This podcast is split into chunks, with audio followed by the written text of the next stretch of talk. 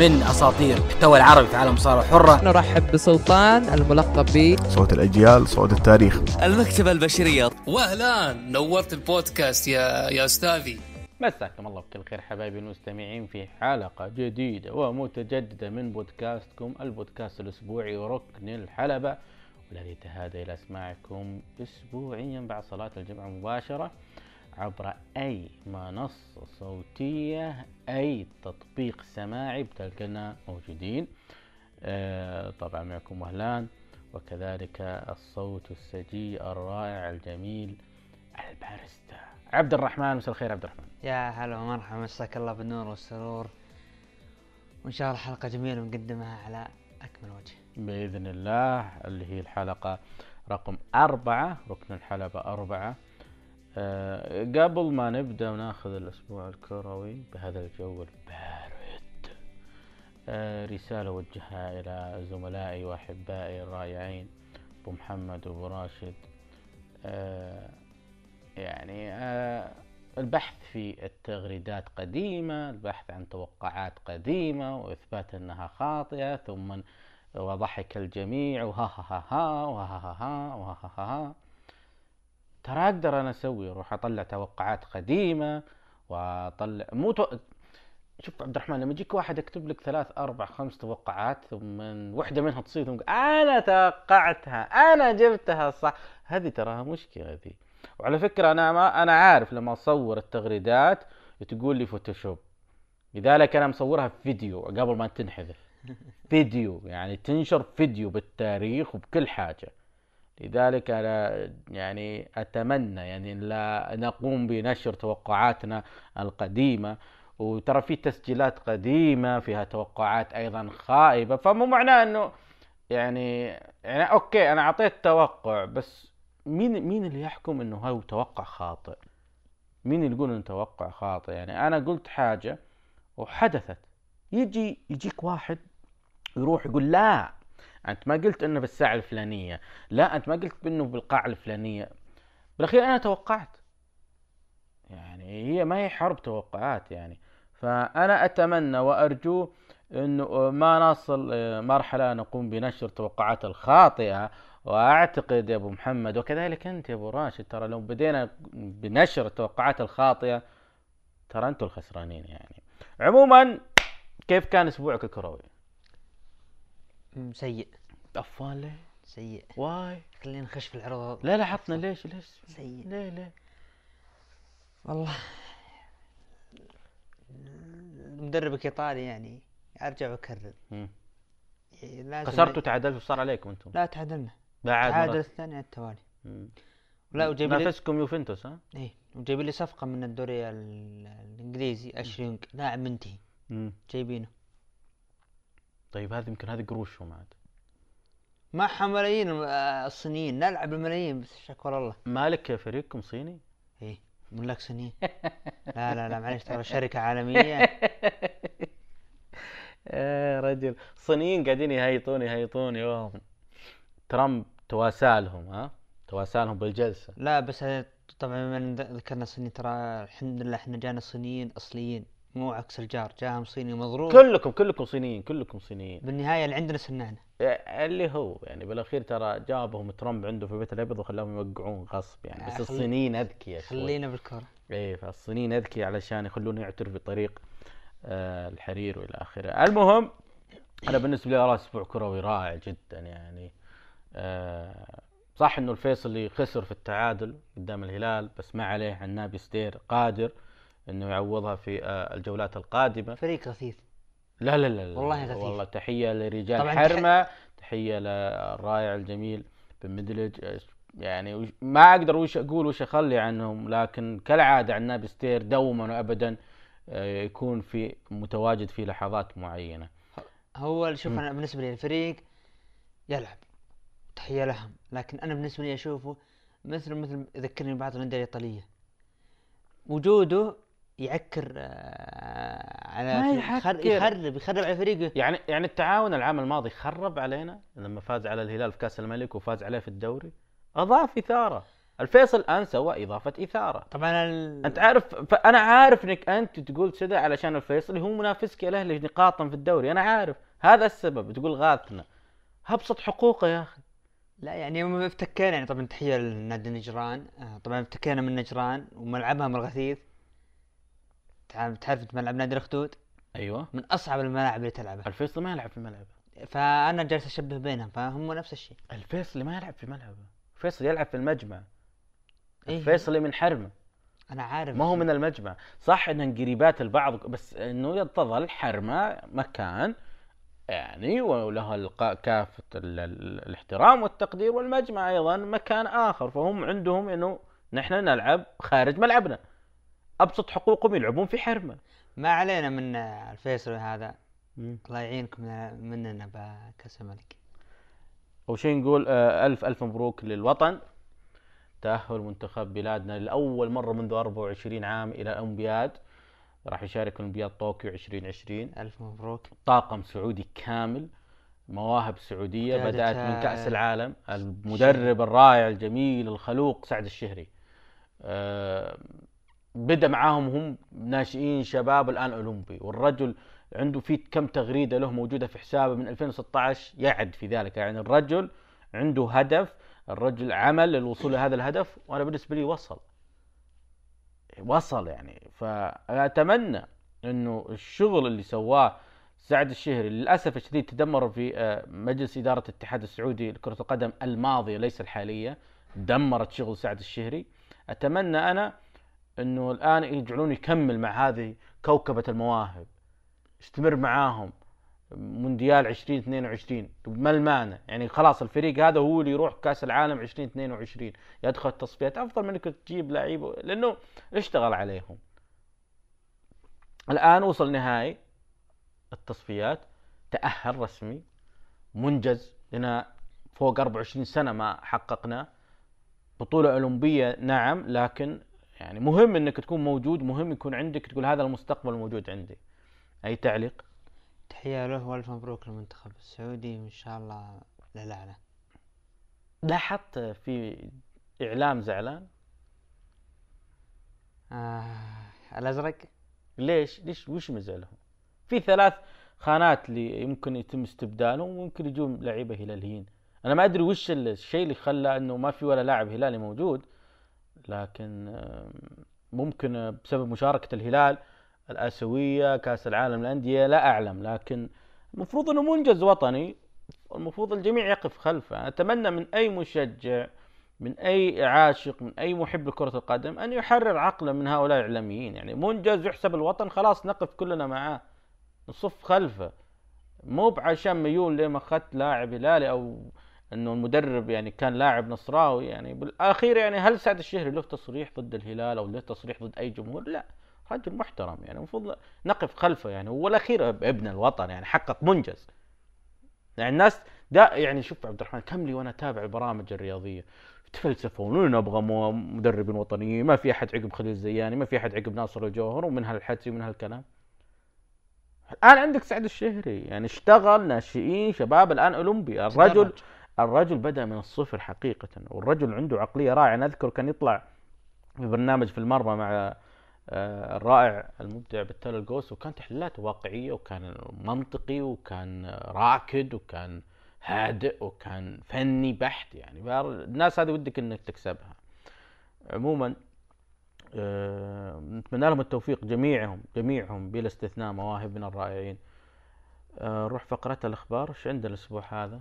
طبعا عندنا الأسبوع هذا عندنا الخبر الأول أعلنت مؤسسة Owen الراحل Owen Hart الخيرية عن مشاركة مارثا هارت ارملته في تسجيل حلقة خاصة عن وفاتها وستبث عبر الموسم الجديد من برنامج Dark Side of the Ring أوه. أنت ما شفت ال- الموسم الأول من Dark Side of the Ring تكلموا عن عدة ح- قصص آه، هم كانوا يبونه من الموسم الأول هم اللي عائله الهارت. ال- ال- الموسم الأول كان في حاجة حلوة اللي هي حلقه آه، آه، Bruiser Brody. كانت مرة حلوة. كانت مرة فيها حقائق في حاجات أول مرة نسمع عنها أول مرة ندري عنها ما حتى ما تلقاها في ويكيبيديا وأعتقد كنت تكلمت عنها فترة من الفترات أنا. آه، لكن الآن في حلقة خاصة ب Owen Hart وفي حلقة خاصة ب Chris Benoit وحتى الآن ما ما بدأ تسجيل الحلقة وابنه حتى الآن ما أعطى تفاصيل عنها. لكن مو بس مارثا سجلت حتى ولدها. ولد Owen Hart أيضا له تكلم داخل الحلقة. أنا تدري وش المهم عندي يا عبد الرحمن؟ أنا أتمنى من مارثا هارت يعني هي أخذت موقف من المصارعة بشكل عام مو بس ال WWE أنا رافضة إنه يتكرر. هو كرم في آه، آه، جائزة خارج WWE بس خاصة في المصارعة. وحضروا إخوة Owen Hart وأخذوا تكريم عن أخوهم. هذا أنا أعتبره مؤشر أعتقد الصيف الماضي. أراه أنه مؤشر جيد أنه مارثا ممكن تتقبل أنه okay. إحنا ما نبي شيء يعني حتى مارك هنري لما كرموه العام الماضي في ال Hall of Fame يعني وجه لها كلام وبتسه يعني أتمنى إنه وافقي. إحنا ما نبي إلا اون هارت يكرم بال Hall of Fame يعني فقط لأجل جمهوره. آه، بريت هارت يبغاه يتكرم آه، آه، أقارب اون هارت هي إخوانه. الخطة كانت المفروض يكون مع ال Hart Foundation بالتكريم أساسا. هي رافضة. وليش هي حقلها لأن هي الوريث هي وعيالها هم الورثين لاون هارت. ف وعنده مؤسسة خيرية. المفروض تستفيد من مؤسسة. يعني تخيل مؤسسة مثل هذه المؤسسة الخيرية. لو تتعاون مع ال WWE كيف بيكون وضعها؟ تكون شيء رائع جدا. لكن هذه المشكلة إن اخذت وعلى فكرة تراها دكتورة في الجامعة يعني مارثا هارت. فاتمنى إن شاء الله يعني اون هارت يعني أسطورة و... وصنع الكثير والكثير والكثير والكثير للحلبات أتمنى إنه يأخذ مكانه الطبيعي بصالة مشاهير ال WWE ننت- ننتظر والله ننتظر إنه يتكرم. نروح مع الخبر الثاني بطل AEW كريس جيريكو. للمرة الأولى في مسيرته يشارك في فعاليات WrestleCon الذي سوف يقام في أسبوع WrestleMania كودي رودز العام قال كلمة لما رفضوا يشاركون في WrestleCon إنه ما نبي نخرب لا يقول لسنا نحن من نضع عرض في أسبوع الرسومينيا يعني شلون؟ شفت نفس إنه مو بحنا اللي آه، نستفيد إنه الناس كلها بالعالم جايتن للمدينة هذه اللي تحتضن الرسومينيا فكل اتحادات المصارعه تحط لها عروض في المدينة هذه تستفيد. فهو وش يقول؟ ما بحنا نسوي الحركات ذي الآن بطلكم والأسطورة ورقم واحد عندكم كريس جيريكو رسميا راح يشارك في ال WrestleCon. هذا وش يعطيك مؤشر؟ إنه AEW ممكن يشاركون. مع اثنين. اللقب. حتى الآن أعلن إنه بيشارك هو حامل اللقب. أعلن إنه يشارك هو الآن يمثل. يعني تخيل لو يعلن مشاركة بروك ليزنر وهو حامل لقب ال WWE ما يعتبر أكبر اسم في ال WWE حاليا إنه حامل صح. اللقب. فكريس جيريكو حامل لقب AEW حاليا. والاسطوره واسم كبير وأول مرة بتاريخ يشارك في ال WrestleCon. فهذا يعطيك قلت لك مؤشر واحد إنه AEW ممكن يكون لهم مشاركة. اثنين إنه كالعادة كريس جيريكو قادح شاطح من راسه ما عليه من أحد وافق يشارك بدون ما يرجع لأحد. ممكن أرسل رسالة واتس توني خان ترى بشارك في ال WrestleCon. قال توني خان خذ راحتك. يعني راح ننتظر. إن ما صار شيء أنا بيعطيني إنه في مشكلة وفي شرخ إن كريس جيريكو يسوي اللي يبي في AEW طز. في كودي رودز وبقية ال Elite. ممكن هذا اللي صاير. لأنه انت شفنا صار في ال Wrestle Kingdom والحديث عن ممكن في تحالف قادم بين AEW و NJPW بالأخير ما في شيء. كودي رودز نفى ذلك ال Young Bucks نفوا ذلك. فما أدري. لكن أنا أراها مؤشر مو كويس إذا كان كريس جيريكو آه، يتعالى أو يسوي أي شيء يبغاه بدون العودة لل Elite. طبعا آه، بالكروس اللي تبع جيريكو. آه، لمح نائب الرئيس كيني اوميجا عن احتمالية وجود لقب للفرق السداسية. الكروس اللي هو اليخت حق كريس جيريكو سجلوا فيه عرض AEW Dynamite الأسبوع هذا وقالوا بعد كودي رودز قال إنه السنة الجاية بيكون live فالحلقة AEW Dynamite كانت مسجلة. تكلمنا كثير عن لقب mid carder يكون في AEW تحدثنا انه وجود مثل هذا اللقب في AEW بيعطي دوائر جديدة للمنافسة للفئة لكنه ما في ما في ما في roster ما عندك roster أصلا. ما في. مين ال mid carder اللي عندك؟ ما في. لذلك وجود لقب الفرق أيضا نفس الكلام. ما عندك أنت فرق ثلاثية. يعني ال Jurassic Express SCU كيني وال Young. وبعدين Best Friends وبعدين أساسا غريب اقلبوا. الأولوية لل mid card. يعني جاب لقب mid card وبعد سنين فكر بهذا. إذا عندك roster الآن أنت محتاج mid card إي بس أنت الآن قلبت اتحاد فرق. يعني حتى الآن إحنا طفشانين من مباراة الفرق وتروح تضيف لي لقب الفرق ثاني؟ زايد مباريات المصنف الأول. مصنف ثاني مصنف ثالث رابع خامس. كثيرة كثيرة مرة. طبعا عندنا NJPW أعلن رسميا استبعاد النجم كوتا إيبوشي من جولة الولايات التي سوف تنطلق غدا بسبب تعرضه لإنفلونزا الطيور يا أخي كارثة هذا الخبر هذا كان كارثة. نتمنى للجميع الشفاء آه، لكنه كارثة لأنه كوتا إيبوشي أهم الأسماء اللي أعلن عنها في الجولة. يعني بتبتدي بكرة الجمعة إحنا الآن الخميس. فالمفروض اليوم بدأت يعني الليلة يعني الجمعة. فما نقول شيء يعني لا لا اعتراض على قضاء الله وقدره لكن كوتا إيبوشي 2020 بدايتها نحس عليه. خسر كل مبارياته في ال Wrestle Kingdom الآن عنده يعني مريض انفلونزا الطيور. آه المفروض إنه يصير ختامها مسك له بدولة أمريكا لما ما يقدر. فمسكين يعني. أنا ما أدري عبد الرحمن وش بيصير له المسكين. يعني ما, ما, ما التالي له صراحة يعني. أكد. يحزن يحزن مرة يعني. أنا توقعت إنه 2020 بتكون سنة كوتا يبوشي الآن ولا شيء. يرجع بالسلامة إن شاء الله. طبعا عندنا الخبر ال- ال- الآخر آه آه كارت باور رئيس من الدبليو اجتمع مع المسؤولين من شبكة شو تايم طبعا الخبر ال- الزملاء في شبكة Wrestling إنك هم اللي تحدثوا عنه.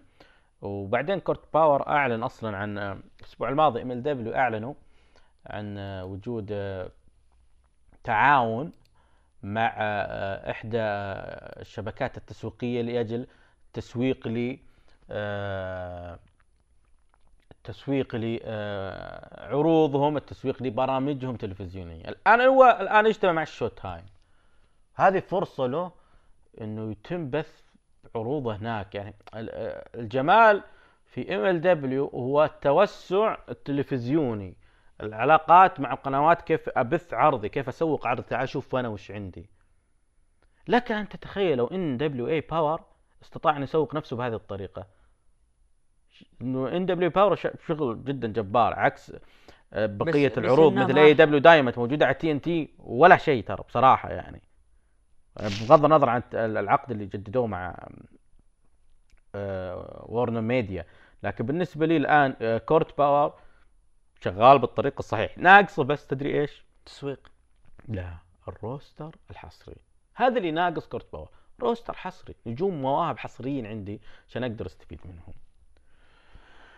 هذه إخبارنا هذا الأسبوع عبد الرحمن. هذا اللي آه هذا اللي عندنا. نروح لأولى عروضنا لهذا الأسبوع مع عرض NXT ال UK طبعا آه الأسبوع الماضي تكلمنا عن ان إكس تي يو كي تيك اوفر بلاك بول الثاني فهذه أولى عروض الأسبوع. آه، طبعا بيكون آه، هو إعداد فقط أسبوعين ويبدون في ال Worlds Collide اللي هو بيكون ماذا؟ بيكون آه، في عدة مباريات تنافسية تجمع العرضين اللي هم نقصد NXT و NXT UK. لذلك ما عندهم إلا أسبوعين هذه قبل ما يبدون بالتسجيل. متى العرض ال Worlds Collide؟ آه، السبت يعني الفجر الأحد عندنا. الأسبوع هذا. يا. استغربت تقول أسبوعين ف الأسبوع ال- هذا اللي راح التسجيل هذا. هذا إيه. اي ركز معي الله يخليك لي أنت يعني كثر قهوة لازم تكثر قهوة. طيب افتتح العرض آه، بالحديث عن رحيل راكي جونسون. بعدين وفي كلام حصل إنه آه، الخبر اللي طلع عن فينس كمان فينس ماكمان وبات باترسون و... فبالأخير يعني هي الجنازة يعني واللي يحصل فيها يحصل فيها ومفروض وانتهينا من هذا. ف في بعض الحاجات اللي ما ما أحب أتطرق لها. انها ما لها دخل في المصارعة ما لها دخل في عروض المصارعة وفيها أشياء شخصية ما أحب أتطرق لها اطلاقا. ممكن انه يكون اشاعه لأنه ما حد تكلم عنه إلا شخص واحد. ديفي بوي سميث تكلم بيلي جرام تكلم نزل كم post في الفيسبوك بعدين حذفه. فما تدري يعني ننتظر نشوف. أكيد إذا كان في شيء والناس حاضرة كثير راح يصير فيها. أتوقع إذا كانت فعلا بتأثر على علاقة ذا روك مع فينس ماكمان وبات باترسون. ما أتوقع إنه صحيح. ما أتوقع يعني المهم افتتح ب highlight من عرض بلاك بول آه اثنين ال TakeOver. آه بعدها بدينا في مباراة بين جوزيف كانر و A-Kid. مباراة سريعة. انتهت بفوز آه جوزيف كانر آه تقريبا أخذت 11 دقيقة. مباراة جيدة لا بأس حلوة فيها. حلوة المباراة. آه بعدين آه تحدث إنه الأسبوع القادم اللي هو الأسبوع ال go home قبل ال Worlds Collide Imperium راح يتكلمون. آه إيليا دراجونوف أيضا بيكون موجود وشفناه في عرض NXT. بعدين آه ال Gallus تكلموا عن آه استعادتهم لألقاب الفرق وإن مملكتهم ستستمر وإنه مملك وإنه عصر مملكتهم حتى الآن طويل والى آخره آه بعدها آم، يبثون highlight كثير يعني عن اللي صار في عرض ال- ال TakeOver بعد شفنا مباراة بين ديف ماستيف وكاشيس أونو مباراة جيدة مباراة جيدة رغم ان وقتها قصير يعني سبع دقائق لكن مباراة حلوة, حلوة. جدا جدا جدا انتهت بفوز ديف ماستيف العرض يعني كان مسجل في NXT TakeOver وما كان فيه. آه، حاجات الكثيرة ال- العلم كل أسبوع هذا تقريبا. أنا بسألك سؤال واحد. هل أنت مع أو ضد إنه يسجلوا لك مباراتين بالتيك أوفر وبعدين يأخذوا لك لقاءات خلف الكواليس ويبثونها لك في العرض ال- الأسبوعي؟ بعد المباريات اللي بالتيك أوفر؟ بعدها بأسبوع يعني. أقصد اللقاء اللي يصير بعد المباراة اللي بالتيك أوفر؟ إيه. هم مضطرين. أنا ما ما أشوف إنه كويس لكن هم مضطرين إنهم يسوون هالشيء okay نروح لعرض 205 Live. والعرض هذا فيه شيء غريب حصل. ولدنا منصور. نعم ولدنا منصور. وتحية لمنصور تحية اللي. فاز في عرض Evolve 144 على اي ار فوكس أهم نجم في WWN و Evolve منصور فاز عليه.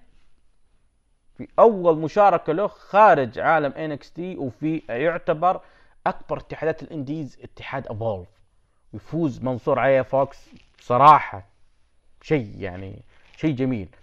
منصور انضم لطاولة تعليق 205 Live الجديدة ومع أحد المذيعين أعتقد اسمه جون كواستو أعتقد كذا اسمه. وكان مبدع منصور طول العرض مو علشان ولدنا وحبيبنا لكن كان مبدع كان مبدع عطاه التعليق مرة عجبني أنا. مرة مرة مرة كان عجبني عطاه التعليق.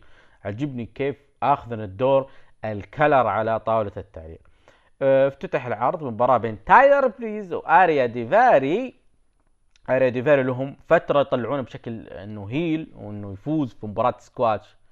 إلا هذا الأسبوع خسر وخسر لتايلر بريز أنا مرة منصدم.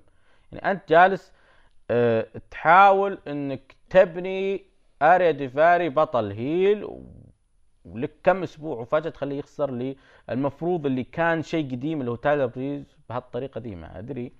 بعدها استكمال عداوة آه، جاك جالهر ودريك مافريك. جاك جالهر كتب تغريدة طويلة عريضة يطقطق فيها على آه، دريك مافريك علشان عودته. بعدنا شفنا ليو راش يخوض نزال ضد سونيل سينج يعني مباراة كانت قصيرة جدا وما كانت ذيك الشيء اللي الواحد يتوقعها. وانتهت فوز ليو راش بعدين ختم العرض بسويرف سكوت a.k.a. شين ستريكليند ضد راؤول مندوزا. آه، مباراة رائعة مباراة جميلة استمتعت فيها وانتهت بفوز سويرف سكوت. سؤالي لك منصور على طاولة التعليق ماذا يعني لك هذا؟ بداية حلوة. يعني إحنا نتمنى انه نشوفه بال roster يعني آه، عاطفيا. لكنه انت تعطيه فرصة على حبة حبة وانه يطلع ويصارع بال Evolve ويعلق بعرض Two O Five Live هذه حلوة وهو ترى المفروض إنه يستغلها. يعني هذه ترى استغل فرصة إنك أي شيء يعطيك يعطيك إياه آه، يعطونك إياه وال W استغله مهما كان حتى لو كان سخيف استغله. يستغلوا نروح لعرض MLW Fusion هذا الأسبوع وافتتح العرض ب highlight من بطولة Opera Cup Opera Cup بطولة قديمة جدا لمصارعة آه، الهواة.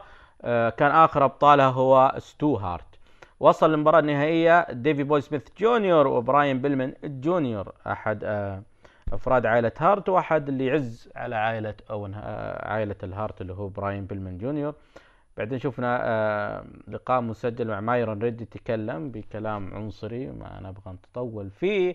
بعدها شفنا مباراة مايرون ريد اللي هو بطل ال middleweight ضد آه، آه، آه، إليندا مان أحد المواهب الجاية من Triple A مباراة جيدة لا بأس فيها انتهت بحفاظ بطل ال mid- ال middleweight أو الوزن المتوسط اللي هو مايرون ريد. بعدها شفنا براين بيلمان آه برومات براين بيلمان يا أخي أنا ما أدري إلى متى. أنا ما ودي أزعجكم لكن مرة أنا قرفان منه يعني. مرة قرفان منه ما يعرف يقدم برومو. ما أدري ليش. شفنا promo لل Dynasty يتكلمون ويحتفلون مع مدينة عقب ما قلب على آه، كونان الأسبوع الماضي. ثم الحديث عن العروض القادمة. كثير يروجون لعروضهم القادمة. بعدين شفنا مباراة street fight بين آه، مدينة نفسه ومع مين؟ مع العائد المخضرم سافيو فيجا. آه، أنا مو بصراحة سافيو فيجا في المباراة هذه مرة عجبني رغم الكرش الكبير الضخم اللي باين عليه لكن مرة عجبني. ما أدري المدينة طلع بشكل حلو لكن أبدع في مباراة سافيو فيجا ومع ذلك جينو مدينة فاز على سافيو فيجا. آه بعدها شفنا آه عدة بروموهات. آه ديفي بوي سميث يتكلم عن مشاركته في بطولة Opera Cup وكان برومو جدا رائع. بعدها شفنا Injustice تكلمون عن اللي اللي إنهم هم الأحق في الوصول إلى النهايه لأنهم هم اللي طلعهم براين بيلمان وكل شوي هم يجلدون براين بيلمان هم السبب في إصابته في الكتف. بعدين أعلن رسميا إن ال Opera Cup راح تكون مناسبة سنوية راح تقام وراح تصير موجودة في MLW مباراة ال main event لعرض هذا الأسبوع على نهاية بطولة Opera Cup ديفي بوي سميث جونيور ضد براين بيلمان جونيور. توقعناها قبل أسبوعين. انتهت المباراة بعد مرور قرابة الثلث ساعة. مباراة جيدة إلى ممتازة بإخضاع ديفي بوي سميث لبراين بيلمان جونيور بال crossface ديفي بوي سميث أخذ الكاس حق جده. في حاجة ما عجبتني. أولا المفروض النهائي ما يقام في عرض مسجل هذا واحد. اثنين المفروض إنه آه، يكون أحد من أفراد عائلة هارت موجود على الأقل علشان يعطي برستيج يعطي برستيج لهذه البطولة. آه، الاحتفال كان مرة مرة مرة بسيط يا عبد الرحمن مرة ما عجبني الاحتفالية واللي صار فيها. أنت مع استمرار هالبطولات هذه؟ أو إنه تحس إنه بس تضيعة وقت؟ ولا انت ترى إنه حلو إنك تجيب شيء له تاريخ؟ بس مرة تاريخه قديم تتكلم عن تدري متى أخذها ستو هارت؟ عام 1948 يعني قبل ما يكون في WW أصلا. قبل ما يكون في NWA يعني. بالعكس هذه تاريخ. أنت لو تضيف التاريخ عندك هذه ترى من صالحك. لكن براين بيلمان جونيور يعني تمنيت إنه يعني يقلب. ما صارت. أنا تكلمنا فيها إحنا. تكلمنا إنه هذه فرصة يعني إنك حتى لو خسرت أو فزت اقلب. يعني مع الأسف البروموهات اللي قدمها ما هي قد التطلعات لكن اقلب فرصة لا تتكلم اقلب و... وخلك يعني مريض نفسي. لا تتكلم واجلد يعني يصير زي أبوه. عليك نور. نروح لل NWA Power شفنا روبرت جيبسون آه، راح تكلم عن آه، ريكي مورتن راح يخوض نزال على لقب ال NWA ضد حامل اللقب نيك الدس طبعا افتتح العرض بمباراة نسائية ثاندر روسا ضد تاشا ستيلز. مباراة سريعة انتهت بفوز ثاندر روسا. بعدها شفنا نيك الدس يتحدث عن اللي حصل مع ROH ويتكلم عن مارتي سكورل لأنه بيجي على Hard Time وأعلن هو نيك الدس إنه بيكون متواجد في عرض آه، آه، القادم ل ROH اللي بيكون اسمه Free أو كذا. بيكون مجاني يعني الدخول مجاني للجمهور. تشوف مباريات بين آه، نجوم ROH القدامى مع نجوم ROH الحديث آه، الجدد والمعاصرين وكذا يعني ومجاني. تذاكر مجانية والحضور مجاني. من صالحها مشي يعني فكرة حلوة. آه، بعد شفنا آه، مباراة تصفيات على لقب التلفزيون. تريفر موردوخ ضد توم آه، ليتمر انتهت المباراة بفوز وتأهل آه، تريفر موردوخ بشكل جدا سريع. ما هو مهم أداء ما هو مهم أي حاجة. بعدين شفنا مباراة نسائية أخرى. بعدها video package عن مباراة نيك ألدس وريكي مورتن. بعدين شفنا حديث آه، اللي هو آرن ستيفن سانداو. فقرة غبية فقرة سامجة فقرة كريهة. يعني وش يحاول إنه بيوريكم إنه علامة الاستفهام بيعطيكم دروس في آه كيف تسوي آه الرياضة القتالية الكاراتيه حقت الم- المنغولية ذي. وبالأخير ريكي ستاركس هو اللي طلع أحد المقنعين وهاجم آه آه آرن ستيفن وقول إنه أنا موجود وت- وتحداه طيب ريكي ستاركس المفروض هو اللي يتحدى آرن ستيفن صح؟ طيب ليش ما شفناه في مباراة أو تحديد راح نجي مباريات Hard Time راح نجيها بعد قليل. بعدين آه، آه، آه، أعلن عن مباراة battle royal آه، لكل المتنافسين في مباراة آه، تصفيات التلفزيون. وانتهت بفوز كين أندرسون. مستر كينيدي. يستاهل. بعد ما أقصى كولت كابانا بالغش. طيب شلون طريقة ال battle royal حقهم ذا إنه يدخلون كلهم وسط الحلبة ثم يجدعونهم من فوق الحبل الثالث نفس ال Royal Rumble. لكن لما يبقى آخر اثنين تنتهي المباراه بينهم إما بالإخضاع أو بالتثبيت. بعدين شفنا برومو جدا رائع مرة عجبني بين إيلاي دريك وجيمس ستورم تحدثوا فيه. عن مباراة ريكي مورتن ضد آه، نيك ألدس. كانت جميلة مرة مرة جميلة. آه، بعدين تم إعلان آه، مباريات التلفزيون أو تصفيات لقب التلفزيون ريكي ستارك بتكون مباراة مع مات كروز وزكي دايس ضد دان ماف. و... وأيضا يعني يعطيك دلالة إنه ريكي ستارك يعني هو أصلا موجود في تصفيات التلفزيون نفس العرض Hard Time. فكيف يعطونه مباراة على لقب آه، الوطني اللي مع آرن ستيفن طيب ليش تبني القصة هذه حاليا بينهم؟ يعني بتخلي آرن ستيفن يدخل يخرب على ريكي ستارك يعني بعد ريكي ستارك يخرب على آرن ستيفن ويفوز سكات ستاينر بل... حوسة.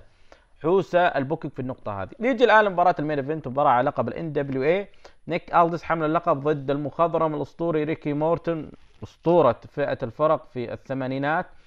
اللي انضم لطاولة التعليق بيلي كورغان مع ستو بينيت و آه، كان آه، يعني يرى بيلي كورغان ع- يعني كان في آه، تحميس طول العرض يا عبد الرحمن لهذه المباراة. مباراة ريكي مورتون والحديث عن ريكي مورتون اللي قدمه كمصارع مخضرم فئة الفرق والتنمر اللي مسويه نيك الدس على الجميع وإلى آخره مسوي نفسه الكنز الوطني. ف بصراحة يعني آه، مباراة ما أخذت أكثر يعني أقل من ربع ساعة.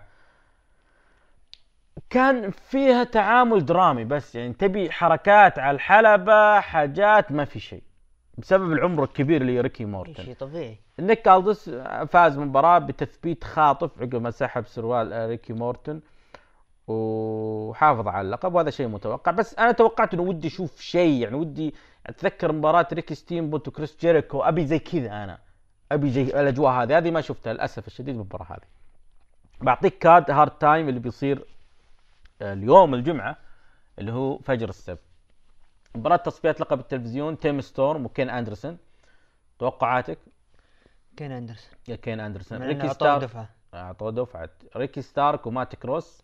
آه مات كروس بتدخل آه دايمي ساندا داميان سانداو آه، زيكي دايس ودان ماف. علامة الاستفهام تريفر موردوخ هذه هي المباريات. الفائز من كل مباراة راح يتقابلون مباراة نصف نهائي والنهائي راح تقام بنفس العرض. بعد ما نشوف مباراة لقب الفرق لل NWA Rock Roll Express Wild Card ضد إيلاي دريك وجيمس ستورم. نشوف أبطال جدد؟ Wild Card تراهم مع نيك ألدس نفس عصابة نيك ألدس. ممكن ال Wild Cards لأنه يصير إنه البطل معه التابعين اللي هم أبطال الفرق. آرن ستيفن طيب هو غير اسمه the shooter ستيفن راح يدافع عن لقبه الوطني قدام سكات ستاينر. سكات ستاينر الأسبوع الماضي ما سوى أي حاجة في مباراة ال main event وب promo مثل وجهه أعطوه فرصة على لقب الوطني. راح يفوز. سكوت ستاينر بيفوز؟ مباراة لقب النساء ثندر روزا ضد آه أليسون كي. وعندنا مباراة آه ما هي على اللقب على ما أعتقد آه، الظاهر على اللقب. نيك. ألدس ضد فليب جوردن. أو جوردن. آه واضح نيك ألدس بيحافظ على اللقب لكن أعلنوا عن ظهور مارتي سكيرل في العرض. هل تتوقع مارتي سكيرل بيسوي؟ حاجة؟ مش يدخل بال main event؟ ما أدري لكن ال... حتى الآن NWA ماشيين بالطريق الصائب والصحيح. آه أنت أمس أرسلت لي أنت متعشي من أي- من أي مطعم أمس؟ المطعم الباربيكيو اللي أنت قلت لي عنه. أيوه. صراحة رهيب الباربيكيو عنده. وش طلبت من عندهم. طلبت البرجر وطلبت الباربيكيو. اللحم عندهم جميل جميل جدا. يعني أنت طالب برجر بنكهه الباربيكيو يعني. هنا إيه، طيب وش تنصح الواحد يطلب عندهم؟ أنا ما جربت الشاورما. تمام؟ إيه. لكن يمدحونه. ففرصة اللي يروح يجرب الشاورما ويعطينا رأيه. طبعا Barbecue House في عنيزة حي الاشرفية طريق الشهيد طلال المانع. ونروح لعروضنا الأسبوعية الكبرى. نبدأ مع أي عرض؟ عرض SmackDown. SmackDown. عرض Smack. Down أقيم في قاعة جرينسبورو آه، آه، coliseum آه، بنورث كارولاينا طبعا ديرة الهاردي بويز. افتتح العرض بالعائد كين وبدأ بالحديث عن ال Royal Rumble بأنها فرصة العمر لتحقيقها والذ- والذهاب لل Mania. وذكر إنه أكثر واحد أكثر من أقصى هو بال Rumble طبعا لطيف. قاطعه بري وايت. قال إنه أنت ما تغيرت لكن أنا سعيد إن أنت موجود و... وعطى البشارة للجميع إن الأرنب بخير وحي يرزق وطلع وكمل قال إنه أساسا فوزك بال Rumble ليس بفكرة يعني جيدة لأنه أنت منها راح تواجهني طبعا التفت لصورته. آه صورة كين اللي كانت معلقة. مم. وقال إن الفيند نال منك. وإنه طبعا بدأ يذكره عام 2014 ال Wyatt Family وكين العداوة اللي صارت 13 13 مم. العداوة اللي صارت بينهم قبل. inferno match اللي كانت في SummerSlam. أيوه. yep. وقال إني أنا ما أنساك. وطبعا آه فجأة لقينا الفيند ظهر بالحلبه لكن من الخلف هجمه دانيال براين وشفنا ال- ال- الفيند هرب.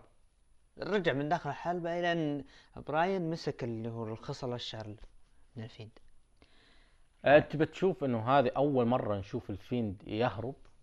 ما أنا ما حبيته. ما حبيته أبدا. الفقرة كلها ما حبيتها ليه؟ طيب أنت كين طلعت؟ بعدين. لأن أصلا ما عجبني كين أنا حسيت الاندرتيكر يتكلم. يعني قبل ما يدخل ذا فيند أو بري وايت لما تكلم كين حسيت اللي قدامي اللي حسي هو تيكر مو كين. يعني هذا ال- الكلام ال- تيكر ال- ال- الشيء الأحمر اللي طلع من خشمه. ما انتبهت له. أنا لاحظته قلت ممكن ال- من البري وايت قلت هو فكرة كويسة لكن فجأة لا. طلع إنه يعني ممكن معرض ما ما. ما أنا لا، كين كين شوف كين اللي نعرف كين مو بحق لوك لوك كلام كثير. يدخل يجرد يمشي شك إسلام ويمشي. لكن آه، اللي أنا شفته قدامي على البرومو هذا تيكر اللي يتكلم بهالأسلوب هذا وأحصد الأرواح وأروح ألمانيا. ترى كين ما, فرصة ما للخلود إي بس ترى كين ما لم يعهد أو لم يعرف عنه طوال مسيرته إنه كان رقم يعني صعب في موسم ال Mania. يعني أنا لما أسأل أي أحد جيبوا لي مباراة الكين في ال Mania تذكروا لي مباراة الكين في أنا ال Mania أذكره اللي هي مباراته مع تيكر 98 لا. WrestleMania 14 وش هي؟ مباراة تشافي قليل على إي سي دبليو. آه، لقب ECW ما أدري كم ثانية. يعني عفوا. الله يا ابو قريرو شفت؟ ما في شيء يذكر له. ما في أي حاجة تذكر له في المينيا يعني على أي أساس تقول لك رقم صعب وإنك يعني هو ما حد يختلف إنه نجم وخضرام وإلى آخره ومقدم. رغم إنه مسيرته من ناحية الألقاب يعني ما لقب عالم واحد. لقب. WW واحد لقب ال World Heavyweight واحد لقب ال ECW واحد. يعني ثلاث ألقاب يعني. آه اللي بعده. طبعا خلف الكواليس تشارلي آه قابلت براين. تحدث طبعا صار براين وكين إني أنا بطل آه آه الفرق وهذا يرد. ذكرنا ب Team Hell No قبل. يعني برومو مستهلك. وتحدث براين ان ما في ان أن أفضل ما يسويه الفيند هو أنه يهرب والاختفاء وأنه عنده فكرة أنه بيتحداه بمباراه اللي هي يد اليد المربوطة بالخلف. أيوه. آه ما حبيت أنا أصلا الفكرة هذه انه طلعت في أيضا آه اللي هو إحنا عارفين إنه كوربن ورومان رينز عندهم مباراة بين روبرت رود ورومان رينز. الفايز راح يحدد آه نوع مباراة كوربن ورومان يعني رومان إن فاز بيحددها على اللي هو يبي إن فاز روبرت رود بارون كوربن راح يحدد نوع المباراة اللي يبي. فأنا ما حبيت هذا الأسلوب إنه عرض الرويال رامبل لا يحتمل إنه يكون في مباريات gimmick يعني مباريات من أنواع خاصة لا يحتمل. فكيف أنت تحط مباراتين؟ مو مباراة واحدة مباريات خاصة. مباراة اللي هو الحبل هذه اللي بتصير بين براين والفيند ومباراة بتكون بين آه، كوربن ورومان رينز. طبعا شاهدنا مباراة بين بيج إي والعائد بعد تسع سنوات جون موريسون وحاول ذا ميز التشتيت وعطانا موريسون من قفزات الرائعة على كوفي. طبعا فاز جون موريسون خلال ثمان دقائق على بيج إي إيش في شيء مختلف في المباراة هذه يعني كنا متوقعين حاجة وما صارت. ما أدري المباراة بالنسبة لي ما كانت wow. يعني ما كان ما كانت حاجة قوية يعني. ما كانت شيء ضخم بالنسبة لي إحنا يعني. عارفين نهايته إيش تبي تصير لكنه آه طبعا أنا بالنسبة لي شخصيا أنا سعيد إني أشوف جون موريسون إنه يا بس إنه لاحظت شيء بال finisher اللي سواه. إيش؟ ما حسيت إنه صار في خطا بسيط منه. يوم- ق- آه، آه على طبعاً. الحلبة يعني. اي اي اي إيه هذا السبب. تدري ليش؟ السبب لأنه آه آه نوع هذا من الأسلوب ما ينفع مع واحد مثل دقيقة بيج إي. بس. يعني تحطه مع كوفي كينغستون تحطه مع آه آه وودز اي لكن تحطه مع بيج اي ما ينفع ابدا الأسلوب هذا اطلاقا. كان خاطئ الأسلوب اللي هم استخدموه. طبعا روح خلف الكواليس شاهدنا رومان رينز ذا اوسوز بدأوا يتكلمون تحدث رينز إنه يتدرب من أجل هذه المباراة طبعا يقصد مباراة. روبرت رود طبعا اللي يشوف البرومو يقول إن هذه مباراة على اللقب ضد واحد ما عمره فاز عليه. وتحدث إنه راح ينتصر وسأل ال- الاوسوز أنتم مستعدين للريفايفل طبعا ردوا يعني بإجابة واضحة إنه إحنا أكيد مستعدين. طبعا لعب ذا اوسوز المباراة ضد الريفايفل وانتهت بانتصار الاوسوز خلال خمس دقائق. خلف الكواليس طبعا نجر ناخذ رأيك. خلف الكواليس الريفايفل تحدثوا إذا الدبليو دبليو لم يقوموا بالتغيير سنقوم نحن بذلك قسم الفرق.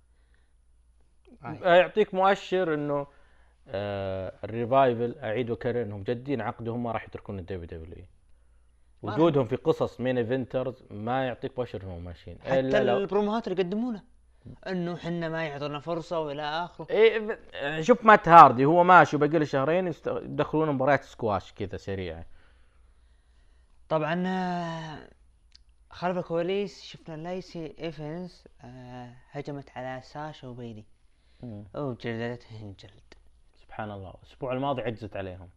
سوبرمان. طبعا آه، نروح ل- لسوني ديفل. خلف الكواليس شفناها تطلب من ماندي إن يكون أوتس بجانبه.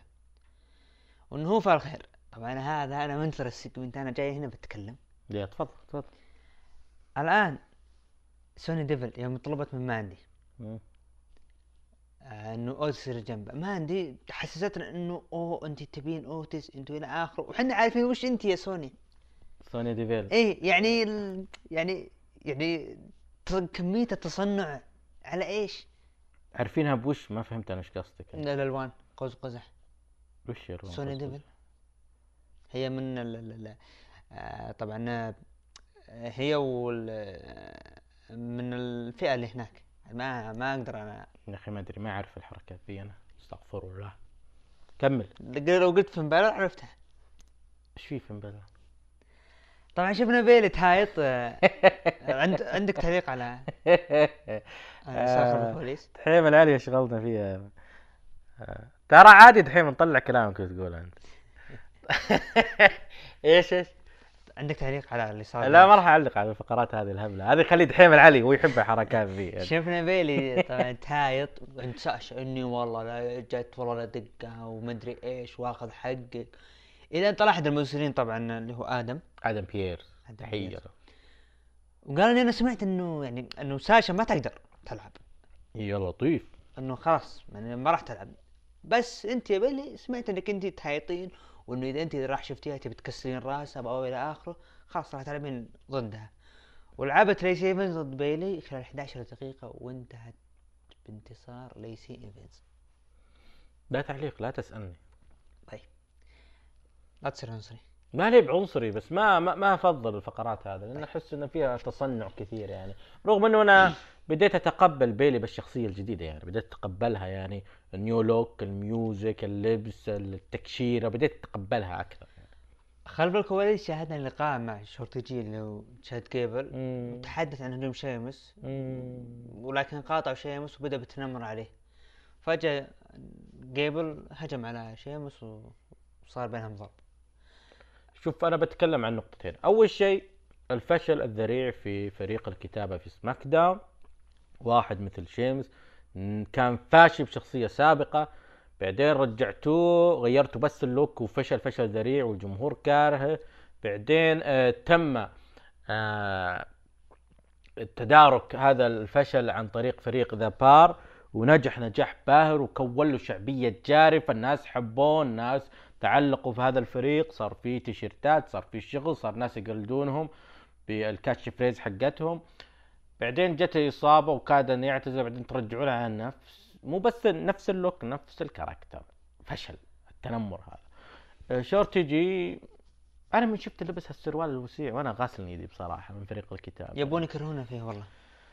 آه. يعني لما أنت تشوف يعني شورتي جي يعني أنا بالنسبة لي تذكر في كيف فقرات كان يسويها؟ بعدين براين كان دانيال براين مدير عام عرض سماك داون. كانت حاجات حلوة كان يسويها شورتي جي. بعدين سحبوها. إيش تقول شيء أنت؟ آه في في من ريحة كيرت انجل يعني يقدرون يطلعون إنه يعني ممكن يكون فيه من انجل بس إنه هو ال- الاندر دوغ المظلوم واللي قاعد. يعني ما أدري ليش يتعاملوا معه بهالطريقة هذه؟ مع إنه يعني أداؤه بحلبة.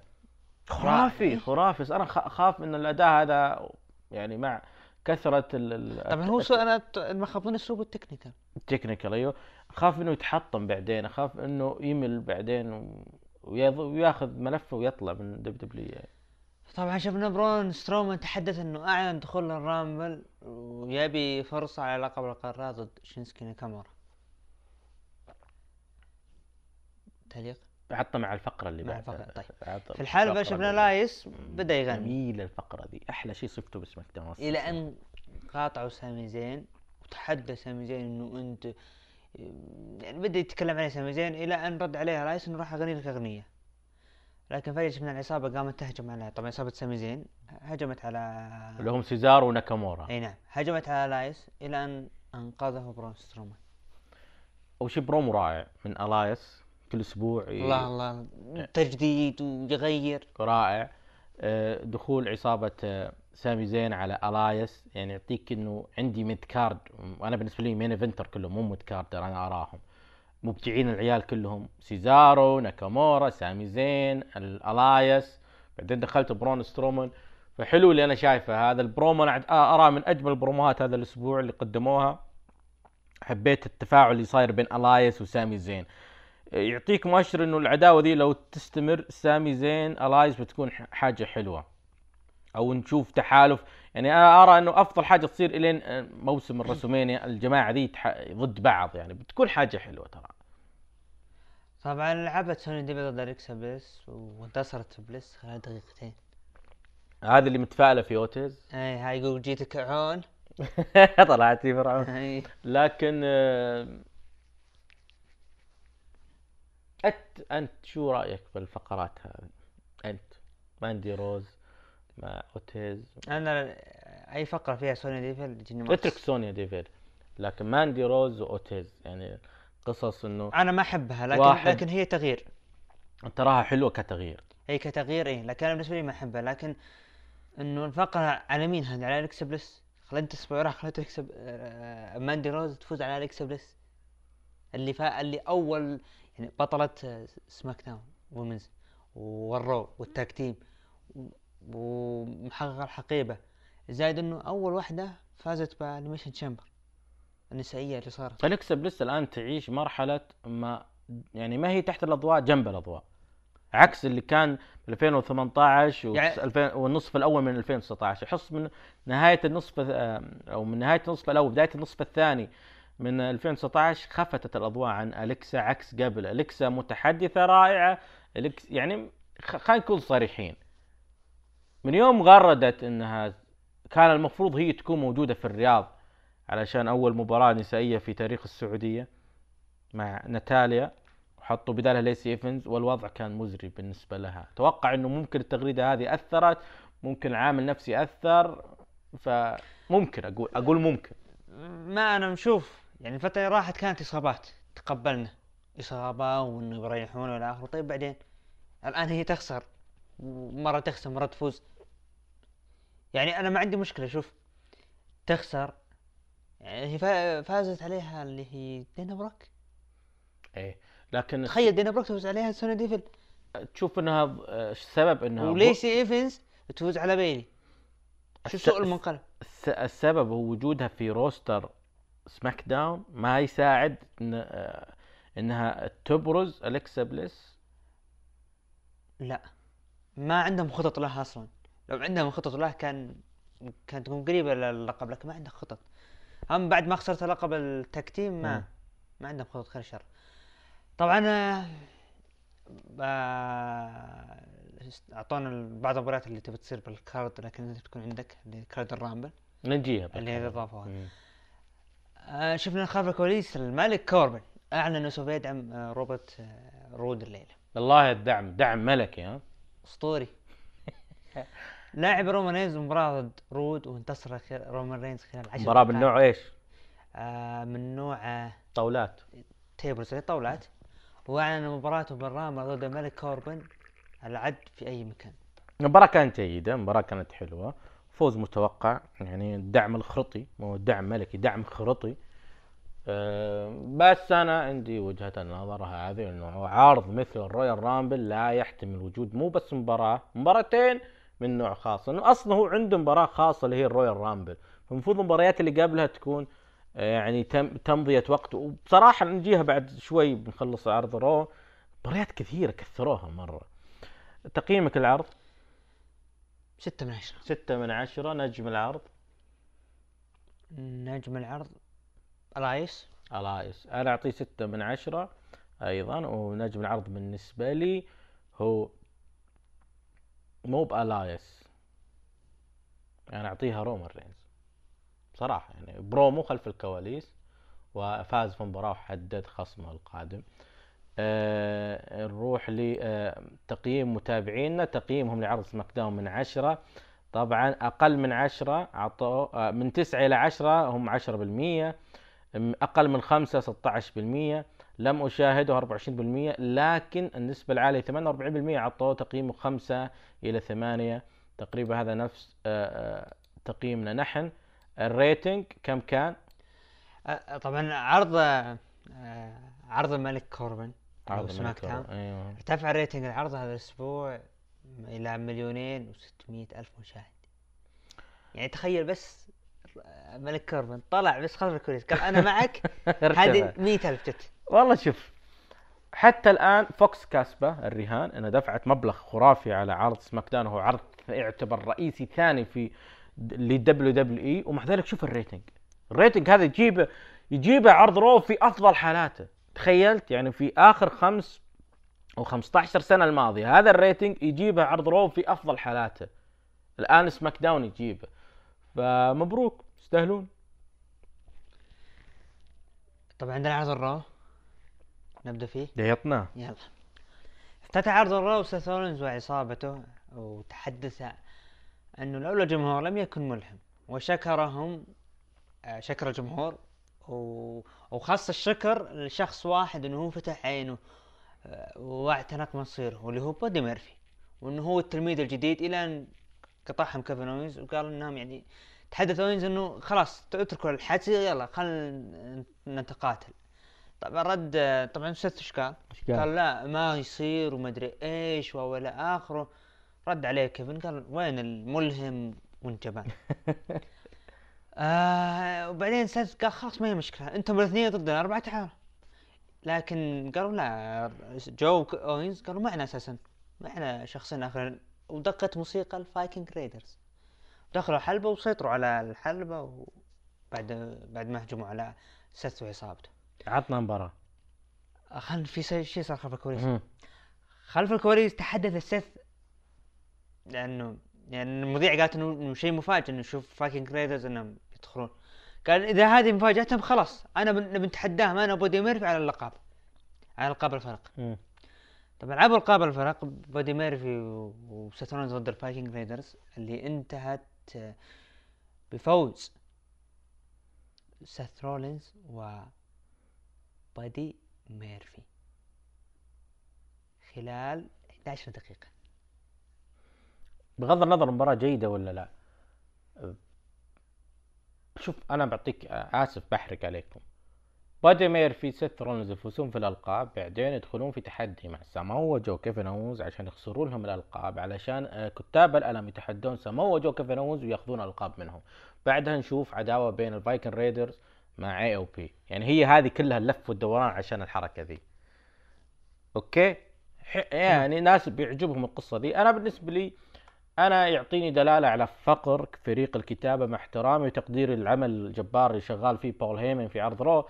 لكن إنك أنت إذا بلشت ما لقيت أي فكرة اللي آه، سيث رولينز وهذا قديمة يعني من قبل بول هيمن أعطوه لقب الفرق. ما لقينا فك أعطوه لقب الفرق. ما أعطوه لقب الفرق. إلى متى وأنتم تعطونه لقب الفرق؟ يعني المفروض الآن بوجود سيث رولينز مع آه، كتاب الألم مع بادي ميرفي المفروض إنه دخلوا في عداوة مع بروك ليسنر على اللقب. وتحول بروك ليسنر إلى face.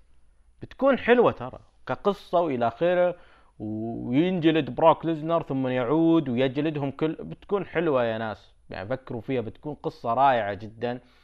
وممكن بروك ليسنر آه، يتحول face ويقدم لنا درو ماكنتاير يعني ويساعد درو ماكنتاير على سيث رولينز وكتاب الألم وتنتهي بالأخير القصة. درو ماكنتاير يروح لل WrestleMania وينتزع اللقب غصب من سيث رولينز وعصابته. فهذه بتكون حلوة كقصه أفضل من ال- اللي شغالين عليها آه، بهالوقت فهذا تعليقي الوحيد عليها. طبعا خلف الكواليس شفنا سيث رولينز. يلا هذه نتيجة آه، يعني هذه آه، نتيجة إنه الشخص اللي ايدا وينضم معي هذه النتيجة. مم. يعني بادي ميرفي قرر انه ينضم معي وجاب اللقب. يعني شوفوا ترى اللي ينضم معي بياخذ لقب طبعا طيب. شفنا ال- المباراة سلالم على لقب الولايات بين إندرادي وميستيريو. مباراة جميلة جدا. آه، انتهت بمن؟ انتصر انتصر فيها إندرادي وحافظ على اللقب خلال 18 دقيقة. مباراة حلوة مباراة سلالم حلوة من أجمل مباريات هذا الأسبوع بصراحة يعني. وبعد المباراة إندرادي هجم على ميستيريو لكن طلع واحد مقنع. وطلع مين المقنع؟ همبرتو كاريو. كاريو عود الحميد. الذي انقذ ري ميستيريو. تاريخ المباراة. مباراة جيد مو جيدة رائعة الأحداث جدا اللي صارت. حتى الدراما اللي صارت. الدراما رائعة جدا. اثنين قد قادرين يقدمون. أنا شفت ذاك ال- اليوم شفت تصريح أندرادي يقول أنا وجه اللاتينيين في ال WWE.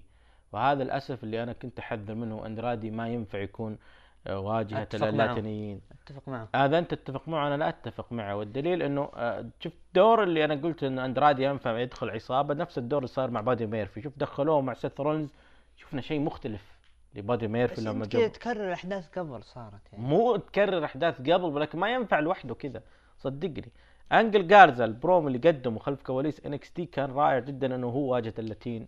ما هو باندرادي عموما مباراة رائعة جدا. كاريو حاجة حلوة عودته بهذه الطريقة وكان غاضب جميل جدا اللي أنا حبيته وحددوا لهم مباراه على لقب الولايات. راح نجيها بعد قليل في card ال Royal أنا ال- الدراما اللي صارت من مباراة بين زيلينا فيجا و انه جالسة تصارخ على إنه يعني أندرادي يعني يكسر به السلم. يوم انكسر شفت تعبير وجهه؟ لا، مبدعة. كمديره أعمال مبدعة من أيام NXT. طبعا شفنا بما ان ذكرنا فيجا لازم نذكر الحبيب اللي هو أليستر بلاك. لا هو طبعا تزوجوا هم صح؟ إي. تمام. زوجها عشان ما يزعلون. أليستر بلاك لعب ضد jobber وانتصر خلال أربع ثواني.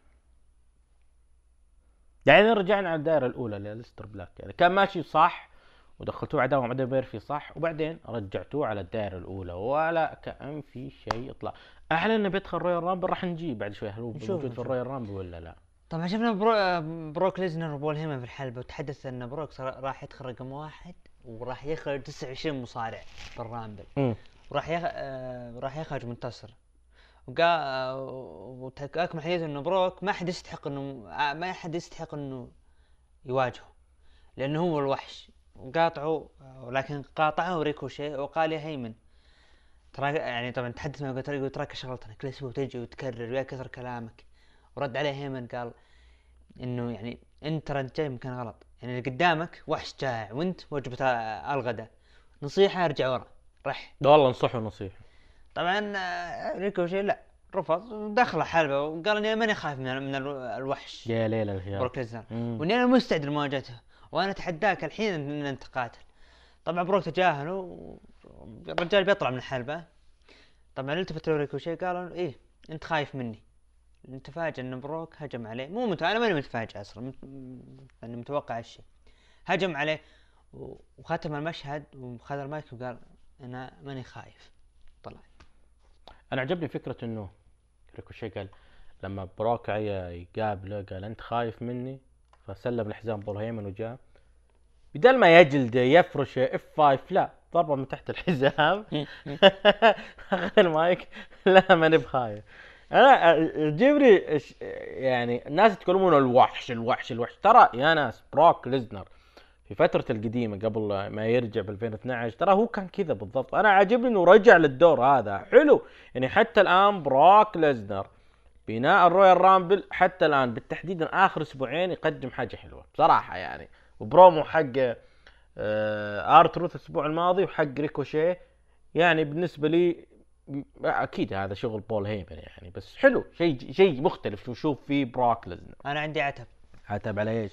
الآن أنت ال WWE مهم. عندك بروك ليزنر. yep.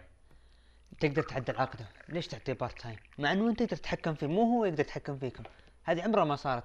يعني أنت بروك صدقني والله لو عرضوا عليه. full time. والله ما راح يرفض. صدقني ما راح يرفض.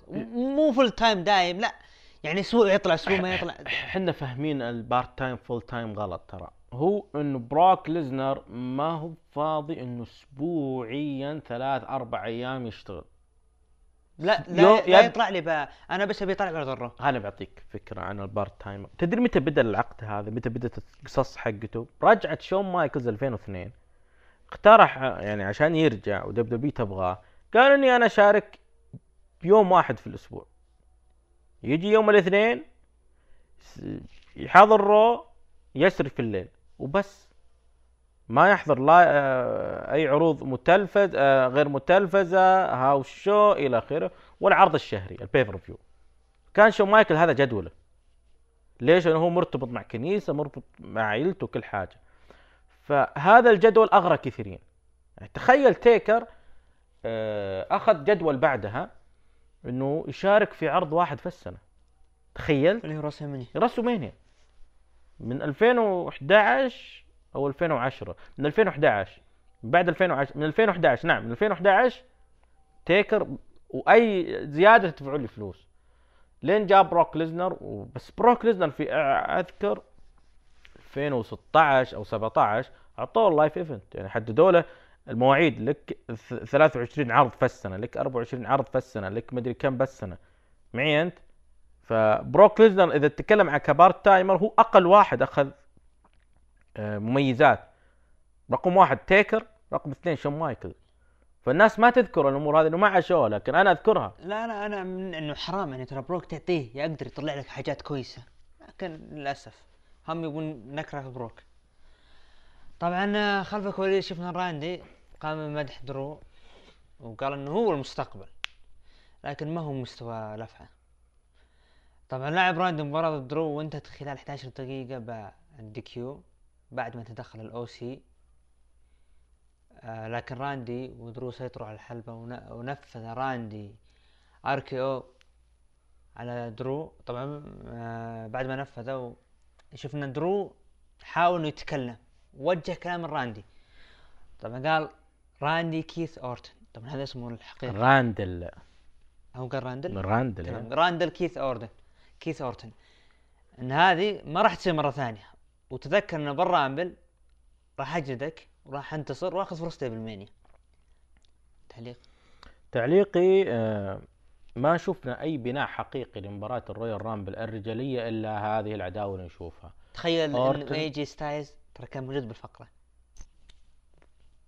مرة مرور أورتن- الكرام أورتن ستايلز درو ماكنتاير وبروك ليزنر. تخيلت SmackDown ما يجيبوا لها طاري المباراه الرجاليه هذه. يعني الآن أشوف منافساتها فقط في أورتن ماكنتاير بروك ليزنر ايجي ستايلز. ممكن نضيف لهم رومان رينز. تحس إن هؤلاء هم اخر ناس بتقعد على الحلبة هم آخر أربعة. بيكونوا موجودين على الحلبة ممكن يكون من ضمن هؤلاء الخمسة. فهذه هذه بالنسبة لي إنه أضعف بناء لمباراة Royal Rumble الرجالية اللي نشوفها الآن. يعني خلاص الآن بقى لنا عرض SmackDown بس السبت. ولا أحد ال Worlds Collide اللي هو السبت عندنا ولا أحد عندنا يعني هو الجمعة والسبت. توقيتهم هم.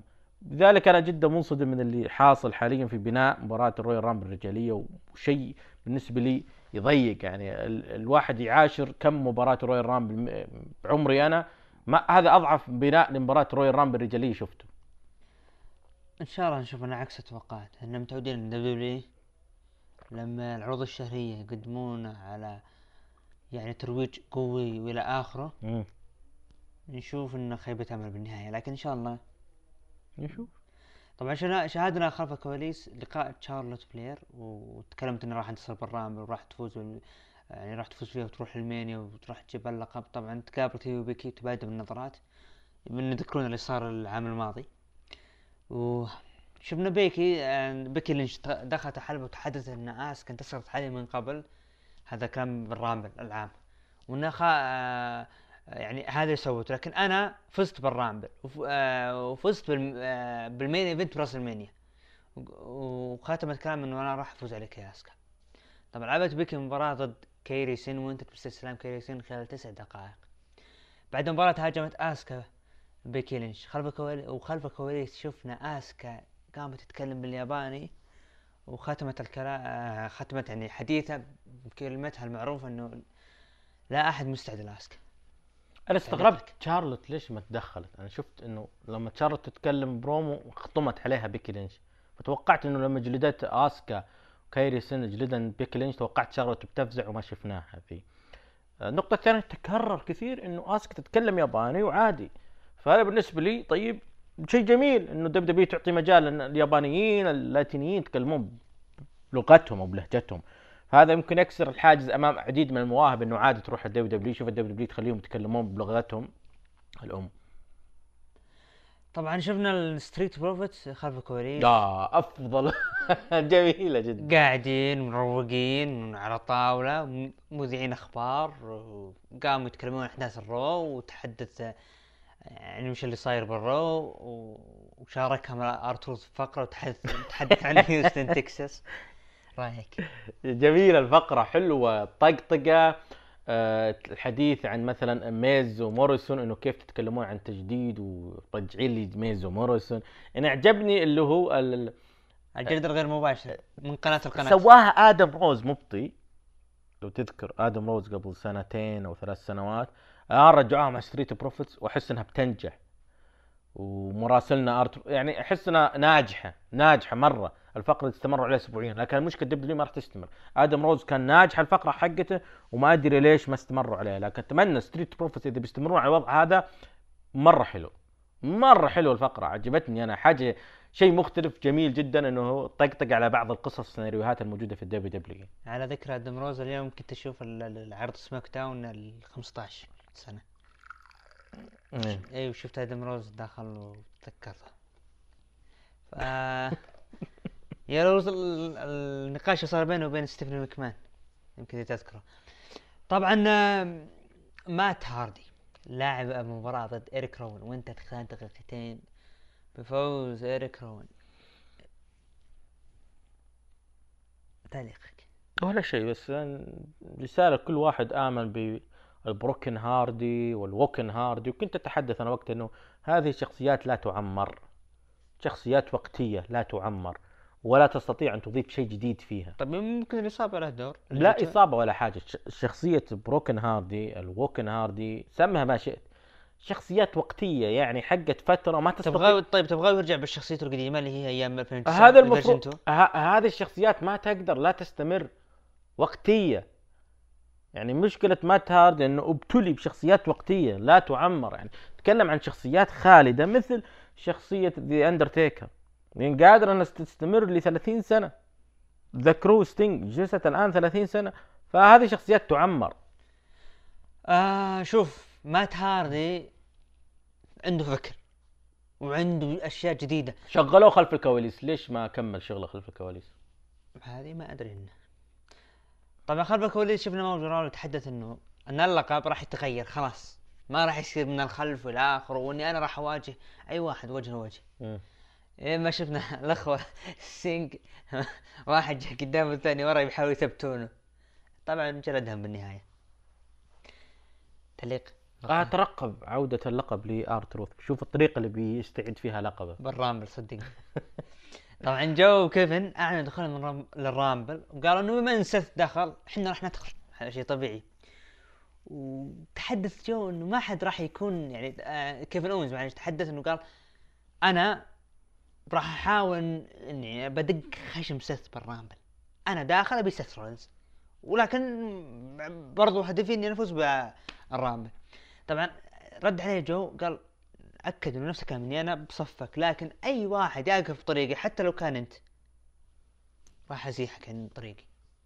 الكلام هذا وجهه للجميع وخص كيفن اونز ومع ذلك كيفن اونز سامو جو هم أبطال الفرق القادمين. ال main event. شفنا مباراة بين آه، بوبي لاشلي ولانا آه، اللي هي ميكس آه، mixed match challenge ضد روسف ليف مورجان وانتهت بانتصار بوبي رود ولانا خلال ثلاث دقائق. أنا استغربت أنا توقعت إنه آه، رجل ضد رجل وأمرأة ضد امراه لا طلعت الجميع ضد بعض. ما ذكرت أسبوع انه ميكسي إيه فلا تعليق. عطني تقييمك العرض. طبعا اتخيل هذا عرض ال go home. هذا go home الرويال رامبل نعم. تقييم العرض آه خمسة. لا نعطيه خمسة. من نجم العرض؟ آه ستريت بروفيتس nope أنا أرى أنه سيث رولينز قدم حاجة حلوة.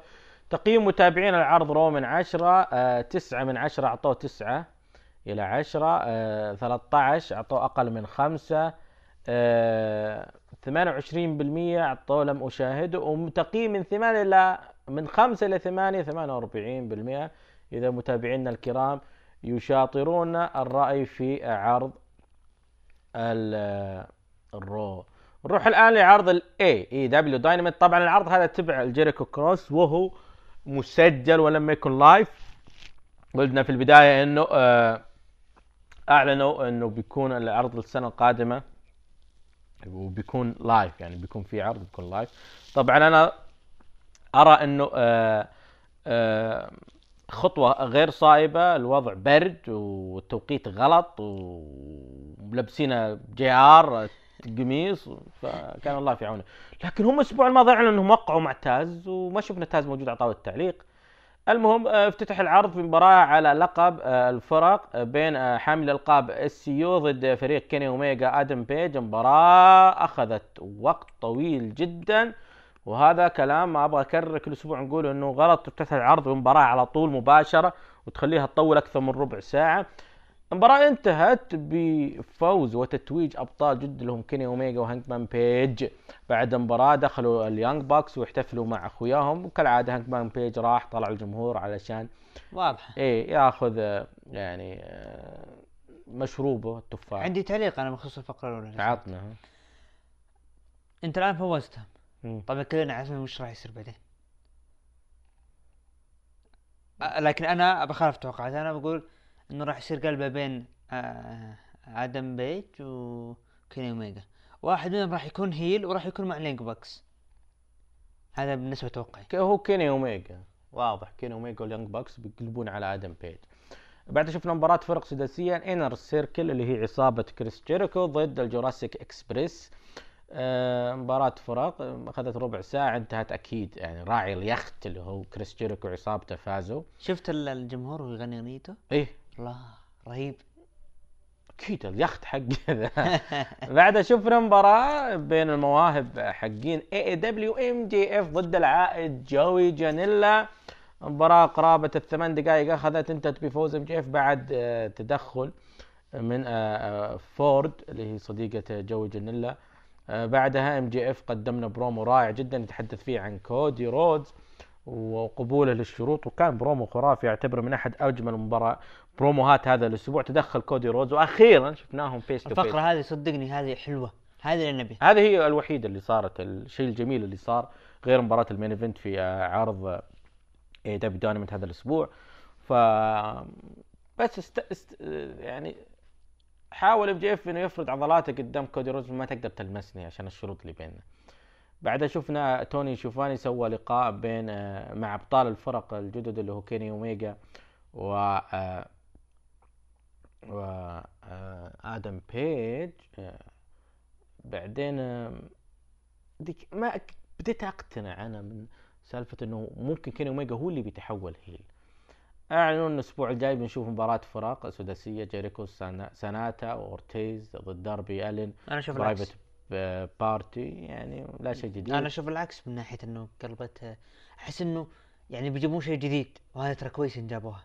إنه آدم بيج هو اللي يقلب ويصير مع العصابه مو مو كيني اوميجا اي بعدها شفنا ال champions لا ال champions كريس جيريكو انضم طاولة التعليق يعلق على مباراة اللي تحدد مصنف أول على لقبه في عرض ريفولوشن القادم في شيكاغو 29 فبراير. باك ضد جون موكسلي مباراة رائعة أجمل من أجمل مباريات هذا الأسبوع انتهت بفوز وتتويج جون موكسلي بالتصنيف الأول يصبح هو المصنف الأول رسميا على لقب اي ما كان مصنف قال أنا أسأل حتى سألت صديقنا سيرجيو جوردن ويقول لا ما. كان. أه تقييمك العرض أنا أعطيه بالنسبة لي ستة من عشرة وأنت؟ خمسة. خمسة. أنا نجم العرض جون موكسلي وأنت؟ جون موكسلي. جون موكسلي. متابعينا الكرام آه نسبة عالية لم يشاهدوا العرض. 14% أعطوه 8 5 إلى 8 16% أعطوه أقل من 5 لكن نسبة عالية جدا. حبوا العرض قرابة ال 21% أعطوه من 9 إلى 10 نروح لعرض ال NXT وبالنسبة لي أفضل عروض هذا الأسبوع. والله NXT. عرض NXT افتتح بمباراة على طول مباراة مصنف أول لتحديد آه، المنافسين على بطولة دستي روز الفرق آه، زاك جيبسون ودري وجيمس دريك ضد الاندسبيوتد ايرا مباراة رائعة مباراة خرافية مباراة جميلة. أخذت ربع ساعة انتهت بفوز زاك جيبسون وجيمس دريك. رائعة جدا. امبريوم. آه، عداوتهم. أندسبيوتد ايرا واضح التاثير واضح بناء ال Worlds Collide ناجح حتى الآن يا عبد الرحمن. أه توقعنا الأسبوع الماضي وتحدثنا إنه زاك جيبسون جيمس دريك احتمال يقابلون مات ريدل وبيت دن راح نشوفه. أنا والله ما توقعت أنا توقعت الإمبريوم وأندسبيوتد ايرا لكن مفاجأة اللي صارت. بعدها شفنا مباراة بين توني ستورم وإيو شيراي انتهت بفوز توني ستورم وحدث آه، تدخل لريا ريبلي بطلة NXT. طبعا شون مايكلز أعلن عن مباراة بين ريا ريبلي وتوني ستورم هو في قبل World Collide. تدخلت اللي هو بيانكا بالير إي كلهن يعني بس إنه هنا اللي أنا عجبني اللي حصل. بعدين شفنا فقرة خلف كواليس الاندسبيوتد إيرا عن اللي حصل اليوم. خسارتهم بطولة دستي روز قال لهم آدم كول قائدهم إنه مو المهم عندنا مباراة ضد كيث لي. نترك امبريوم على جنب نركز على عندنا لقب اللي هو نورث أمريكا وكيث لي لازم نركز على هذه المباراة أهم وما نشتت. بعدها شفنا برومو رائع جدا إيليا دراجونوف قدم حاجة حلوة جدا حبيت للرد على فين بالور بصراحة البناء المباراة دراجونوف وفين بالور من أجمل المباريات اللي تم بنائها مؤخرا. بكل العروض. رائع بروموهات مرتبة وكل حاجة حبيتها. بعدها شفنا فين بلر أخذ مباراة ضد آه، دي جي زي أسميه حتى الآن. مباراة سريعة مرة مرة سكواتش انتهت بفوز آه، فين بلر بدقيقتين أنا استغربتها. ما أدري ليه يعني. آه بعدها شوف دفع دفع الفنبار إي بس دي جي زي المفروض إنه موهبة تش- تشتغل عليه كثير أنت مو تحطمه بهالطريقة ذي. شينا بيزلر تكلمت عن ظهوره في ال battle royal الأسبوع الماضي وإنه كانت عودة مفاجأة ومع ذلك طلعت. فأعطوها مباراة مع البنت اللي طلعتها واخذ ست دقائق وفازت شينا بيزلر. آه آه، بعدين آه شفنا المباراة الثانية لتحديد الفريق اللي بيصل النهائي يقابل زاك جيبسون وجيمس دريك على نهائي بطولة دستي رودز فريق البروزر ويت اللي هو آه، رهيب الاسم. إيه بيت دان مع آه، مات ريدل ضد امبريوم آه، مباراة جيدة حلوة استمتعنا فيها وأخذت وقتها ربع ساعة وانتهت بنفس ما توقعنا الأسبوع الماضي. مات ريدل جدا يتأهلون للنهائي يقابلون زاك جيبسون. جيمس دريك وصار في برومو رائع جدا حبيت البرومو اللي صار بعد نهاية المباراة لما تقابلوا الفريقين بيصلون النهائي. حبيت كلام جيبسون وجيمس دريك حبيت رد مات ريدل عليهم لما قالوا أنا ما فهمت انت إيش تقول ما أدري وش بعدين رد بيت دان وأخيرا شفنا بيت دان يتكلم. برومو رائع برومو جميل جدا أعطيت فرص لكل هؤلاء إنهم يعطون رأيهم في التأهل والوصول للمباراة النهائية. بعدها جينا ال main event ومباراة على لقب شمال أمريكا حامل اللقب وعضو عصابة ال Undisputed Era رودريك سترونج يدافع لقب أمام كيث لي أكثر اسم تم الحديث عنه وترشيحه حتى سي إم بانك طلع في WWE Backstage وتكلم إنه هو يرشح. كيث لي انه يفوز في مباراة الرويال رامبل. انتهت المباراة بتتويج وفوز كيث لي بلقب North America. رأيك؟ عرض عرض جميل جدا رائع. يعني تشوف AEW تزعل لكن تشوف NXT تقول لا. تقول يرضيك نكستي كم تعطيه؟ أعطيه ثمانية. أنا أعطيه سبعة ونص نجم العرض. نجم العرض. آه ما ما أقول نجم العرض. أنا أشوف إن ال- ال- اللي هو آه، ماتريدل وبيدن هم نجوم العرض. أنا أقول كيثلي هو نجم العرض. طبعا متابعينا الكرام 4% تقييمهم للعرض 4% اعطوه أقل من خمسة. 22% اعطوه من 9 ل 10 آه، 34% لا مشاهد لكن النسبة العالية 40% أعطوهم تقييم من 8 من 5 إلى 8 وهذه نسبة عالية جدا. آه، نروح Worlds Collide اللي بيقام آه، فجر السبت آه، فجر الأحد بتوقيتنا الأسبوع القادم. نعطيكم أبرز المباريات مباراة آه، فرق ثمانية أربعة ضد أربعة Undisputed Era ضد امبريوم من اللي بيفوز؟ آه صعبة لكن آه امبريم امبريوم أنا أقول بيفوزون Undisputed Era مباراة بين بطلة نساء NXT ريا ريبلي وتوني ستورم. ريا ريبلي تحافظ على اللقب. أنا أقول ريا ريبلي. مباراة فين بالر وإليا دراجونوف فين بلر؟ وأنا أقول دراجونوف مباراة لقب ال cruiserweight أنجل جارزا آه، ضد آه، آه، سويرف سكوت وضد اثنين راح يتم تحديدهم في عرض NXT الليلة. أنا أقول أنجل جارزا بيحافظ على لقبه وين؟ آه البطل من NXT okay دي اي ار DIY آه، ضد فريق الاشناب من بيفوز؟ دي اي واي دي اي واي أنا أقول فريق الاشناب ميا يم ضد كي لي راي في ال pre-show من اللي بتفوز؟ مو مهتم. وين مهتم. خمس مباريات آه، مباريات فرق مبار... يعني ما في إلا مباراتين أو آه، فردية اللي هي مباراه فين بلر ودراجونوف ومباراة ريا ريبلي وتون ستورم. الباقي مباراة فرق أربعة ضد أربعة مباراة رباعية لقب ال cruiserweight ومباراة فرق عادية اثنين ضد اثنين. آه، بالنسبة للرويال رامبل وهو الأهم نبدأ آه، عندك مباراة على لقب الولايات حامل لقب أندرادي ضد همبرتو كاريو. أندرادي حافظ. أندرادي حافظ على اللقب أتفق معك. شورتي جي ضد شيمس. أكيد شيمس. أنا أقول شورتي جي. مباراة على لقب نساء عرض سماك داون بيلي ليسي إيفنز. ليسي إيفنز. أنا أقول بيلي. ومباراة بين رومان رينز وبارون كوربن التثبيت من أي مكان؟ كينج كوربن. أنا أقول رومان رينز. مباراة على لقب نساء عرض رو حاملة اللقب بيكي لينش ضد آسكا. آسكا. أنا أقول بيكي لينش عشان تاخذ الثار حق العام الماضي. مباراة على لقب Universal الفيند براي وايت ضد داني براين. داني براين. أنا أقول ذا فيند بري وايت سيحافظ على لقبه من ستفوز في مباراة ال women's للرويال رامبل.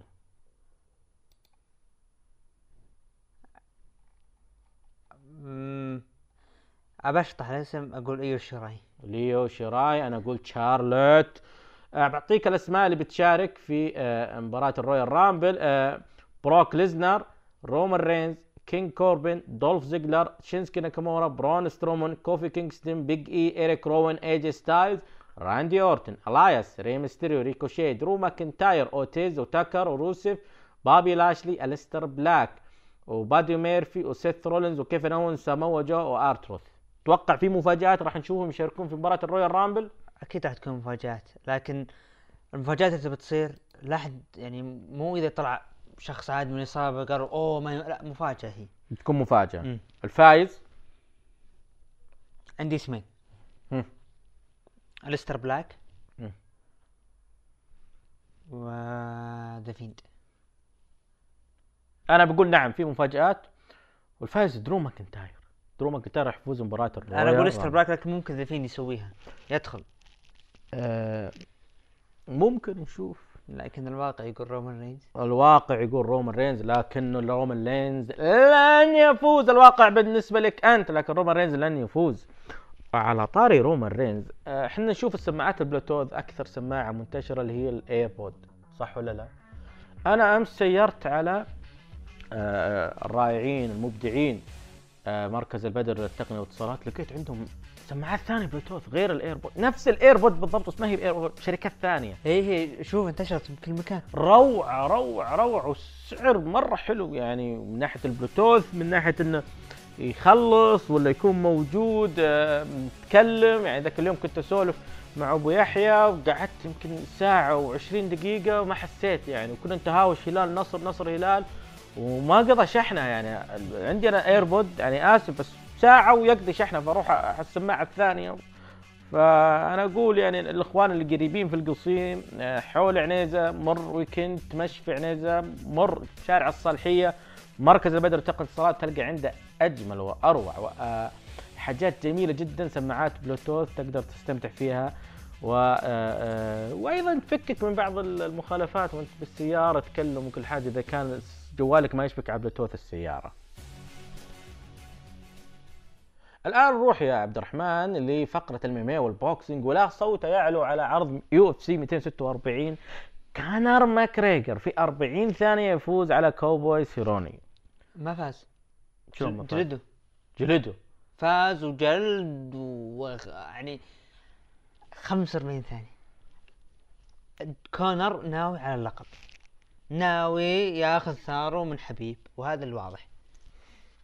أنا أستغرب من الناس اللي يقللون من اللي سواه كونر يعني آه بالذات اللي مرة متعصبين لحبيب يعني بس okay. أنا عشان ببين حاجة بس عشان. الناس المستمعين ترى مو معناته ان مثلا بعض المتابعين مثلا يطبل كونر يشوف إنه كونر هو اللي ويمدحه ترى مو معناته إنه هو كاره حبيب لا بالعكس حبيب أنا أفتخر إنه دق خشم كونر لكن أنا أبغى كونر يفوز عليه وبتكون حلوة لنا أصلا يعني نتحمس أكثر. آه بالنسبة لي أنا آه، عودا حميدا هذا أقدر أقوله يعني وما أقدر أقول حاجة ثانية أقول عودا حميدا كونر ماكريجر. والرجال أثبت إنه قادر يسوي حاجة. طبعا آه، كانت أرباح عرض UFC 246 11 مليون والحضور كان 19 ألف. أهم شيء اللي حدث هو حديث دانا وايت بعد العرض. دانا وايت آه، أعلن أنه آه، كامارو عثمان سيدافع لقبه ضد جورج ماسفيدال خلاص أعلنها رسميا. آه، دانا وايت يقول مواجهة حبيب وكونر المرة الثانية مثل مواجهة محمد علي كلاي مع جو فريزر. مواجهة تعتبر الأكبر في تاريخ المنظمة والرياضة لكنها لن تقام في موسكو عدة أسباب لكن ممكن تقام في بريطانيا أو نيويورك أو دالاس تكساس لأن حبيب ما يحب نيفادا فنشوف. قال إنه أيضا إنه آه، بتسجل لهم كأساطير وحبيب ينتصر على كونر ثم على فيرجسون ثم على كونر ويعتزل برصيد 30 انتصار بدون هزيمة إضافة لأسطوريته. فهو وضح إنه حبيب عنده مباراة قادمة مع آه، توني فيرجسون وبعدها راح يتم تحديد النزال القادم لحبيب. واضح إنه النزال القادم لكونر هو ضد حبيب. خلاص رسمي. أنا في تعليق على دانا وايت بخصوص النزال اللي خلينا ناخذ كلام دانا وايت كامل بعدين عطنا تعليقه دانا وايت تكلم عن التغريدة الغريبة اللي كانت من كمارو عثمان اللي كانت مرة مرة مرة مسيئة وغير لائقة وغير أخلاقية. أعلن انه ترى حسابه تهكر وطلعت منه التغريدة هذه رغم إنه يقول كان ما صدق إن حسابه حساب كمارو عثمان إنه كان متهكر. آه، بعدين دانا وايت رمى حاجة قال إن حبيب ترى غني عنده فوق 50 مليون. آه، بعدين تكلم كونر ماكريجر على تغريدة عثمان قال إن يعني تكلم عن آه، وكيل الأعمال ما راح نتطرق لها النقطة هذه. بعدين وجه رسالة إلى نيت دياز يقول ليش ما نسويها مرة ثانية؟ فواضح إنه كان ممكن ياخذ نزاله القادم ضد نيت دياز قبل ما يروح إلى نزاله ضد كونر ماكريجر أه حتى الآن ما وضح أي تصفية شيء. حسابات أنا بالنسبة لي يب- مم. يبدأ تصفية حسابات مع المقاتلين. لكن أنا دانا وايت أنا ما حبيت اللي سواه. وشو؟ يعني يا أخي احترف. يعني يقول أنا خايف. يعني النزال اللي بيصير بموسكو بين حبيب و آه، إيش اسمه؟ الثاني حبيب وكنر لا لا ال- بموسكو مم. اللي قال بيصير بين حبيب و وكنر هو يقول إنه ما راح يصير في موسكو ولا راح يصير في نيفادا راح يكون في نيويورك ولا بريطانيا ولا دالاس تكساس. ليش؟ قال إنه خايف إنه يصير في شغب لأن الجمهور هناك كله واقف مع حبيب. قال أنا ما أبغى حبيب يفوز. هو ترى واضح من تصريحاته الأخيرة ضد حبيب إنه في في في تعنصر عليه. بالنسبة لموضوع عثمان كمارو يعني أستغرب ال- ال- ال- التغريدة اللي اللي كتبها. يعني ال- الوصف اللي انت قلته تضحك لما يقوله. جد جد غريب. هذا تدري مين آه، يذكرني مين يذكرني بوكر تي يوم يتكلم على هالك هوقن. يوم يصفه وجاب الكلمة جاب العيد ونسى نفسه. هذيك كان سيناريو داخل قصة يعني. النقا هذه اللفظة ذي أنا بالنسبة لي أرى أنه شيء يعني هم إذا بغوا يحطون انها عنصرية عنصرية. إذا ما بغوا يحطون عنصرية ما راح تكون عنصرية. أطار العنصرية ها كريس سايبرغ راح تسجل ظهورها الأول في ال Bellator الأحد الجاي بعد ما ختمت مسيرتها بشكل جدا قوي في ال UFC. الآن ستبدأ مسيرتها الجديدة. تواجه آه، بطلة وزن الريشة جوليا بود آه، في عرض ال Bellator 238 وتمنياتي لها نجمتنا وبطلتنا كريس سايبرغ التوفيق. عبد المناف آه، والد حبيب تكلم عن مباراة ال rematch. قال يعني كان واضح يقول إحنا نحتاج الانتقام من كنر لكن أعطونا 100 مليون دولار. وبالتالي بعد لو تبون على طول من بكرة ضد آه، نزال فيرجسون بس أعطونا المبلغ هذا. فوضح إنه يبغى كم؟ مليون دولار. إذا أعطوها حبيب راح يوافقون على واضح خلاص. تحس إنهم اتفقوا صح ولا لا؟ تحس إنهم خلاص بدأوا بالاتفاق على النزال بس هذا. باقي نزال كانر قبل حبيب. راح ناخذ الآن بإخواننا في Boxing World آه، حساب جميل رائع حق الملاكمة. أعطونا تقرير كامل. آه، نشوف العالم الملاكمة وش عندهم. آه، ريو موراتا أصبح هو الخصم الأقرب لمواجهة كانيلو ألفريز ومحتمل يكون القتال في اليابان 2 مايو الجاي. موراتا هو حامل لقب منظمة WBA للوزن المتوسط وهو من أحد أهم النجوم الرياضيين في اليابان. الملاكم سيرجي ديرفيانشكينيكو تحداك تقول اسمه. ديريافينشينكو دريان أيوه. ديرفيانشينكو هو المصنف الأول في منظمة ال WBC. الشينكو اي نيشينكو هو. تحط نون قبلها. هو الخصم الإلزامي للبطل جيرمال تشارلو وكلاهما ملاكمان تحت آه، منظمة ال PBC Network الترويجية. واحتمال أن النزال هذا بيقام خلال هذا العام. مدير أعمال الأسطورة مانيو باكياو أكد إن باكياو يبغى يرجع في إبريل القادم. وما عنده أي مشكلة يأخذ مباراة أخرى ضد فلويد مايويذر أو كانر ماكريجر تخيلت هو عال هو غرد. آه، مانيو باكياو نزل فيديو يتحدث فيها كانر ماكريجر يوم تحدث بال يوم كمان المترجم. إي فلويد ما يقدر على طريق أيضا عن طريق حساب ال- الإنستغرام حقه تكلم إنه يبغى آه، نزال مع كانر ماكريجر وأيضا يبغى نزال مع حبيب نورماجيدوف وعلى فكرة فلويد مايويذر قبل كم شهر وقع عقد ما حد يدري وش تفاصيله مع دانا وايت ما حد يدري وش تفاصيله. هل هو بيأخذ نزال MMA؟ هل هو يبي ياخذ نزال ملاكمة؟ هل دانا وايت فقط بيسوق له؟ ما حد يدري وش القصة وش السالفة. لكن واضح إن فلويد مايويذر ياخذ نزال ضد أحد كونر ماكريجر وحبيب نورماجيدوف وماني باكاو يبغى نزال مع أحد من الاثنين ذولي حبيب نورماجيدوف أو كانر ماكريجر أو حتى فلويد مايويذر. نختم مع تايسون فيوري تكلم إنه هل تقدر تشارك في ال UFC؟ وش قال تايسون فيوري؟ يقول لا اود خوض نزال MMA فأنا لا أفضل التدحرج على الأرض ومن هذا القبيل لكن سأكون مستعد لقتال أحد أبطالهم باستعمال قفازات صغيرة ربما داخل قفص لكن بقوانين الملاكمة أعتقد هذا سيكون مثير جدا. تعليقك؟ لاحظت كثرة الملاكمين يرجعوا؟ إيه. باقي بس مايك تايسون. لا مايك تايسون ما راح يرجع. مايك تايسون ما راح. ناخذ استفتاءاتنا الأسبوعية. جاهز جاهز؟ نروح لبرومو الأسبوع. كانت البروموهات هي آه، دريك آه، وجيبسون وبيت دان وما تريدل من انكس تي. أخذت 17% آه، ستريت بروفيتس وفي عرض رو وام دي اف في اي اي دبليو دايمت تعادلوا 24% الفائز في برومو الأسبوع هو برومو سامي زين والايس 33% رأيك يستحق أفضل برومو هذا الأسبوع؟ بالنسبة لي ام جي اف ام جي اف أنا أرى Street Profits كان هو برومو الأسبوع لكن هذه خيارات متابعينا مباراة الأسبوع آه، رومان رينز ضد روبرت رود 11% آه، آه، باك ضد جون موكسلي 13% كيث لي ضد رودريك سترونج 35% 40% أندرادي ضد ري ميستيريو. رأيك؟ أتفق أندرادي وري ميستريو آه، أنا بالنسبة لي أشوف إنه فعلا أندرادي ري ميستيريو كانت هي الأفضل. نجم الأسبوع ألايس 12% آه، جون موكسلي 13% سيث رولينز 15% 58% يقول كيث لي. أتفق. هذا ثاني مرة يفوز كيث لي عندنا يستاهل. بنجم الأسبوع. عرض الأسبوع SmackDown 10% عرض آه، ملك كوربن AEW Dynamite 14% Raw 33% NXT 41% رأيك؟ NXT. NXT. أنا أتفق معهم إنه NXT هو أفضل عرض هذا الأسبوع. نروح للهاشتاج. آه نشوف إيش عندنا هذا الأسبوع. آه طبعا آه عندنا قصص كثيرة حدثت هذا الأسبوع.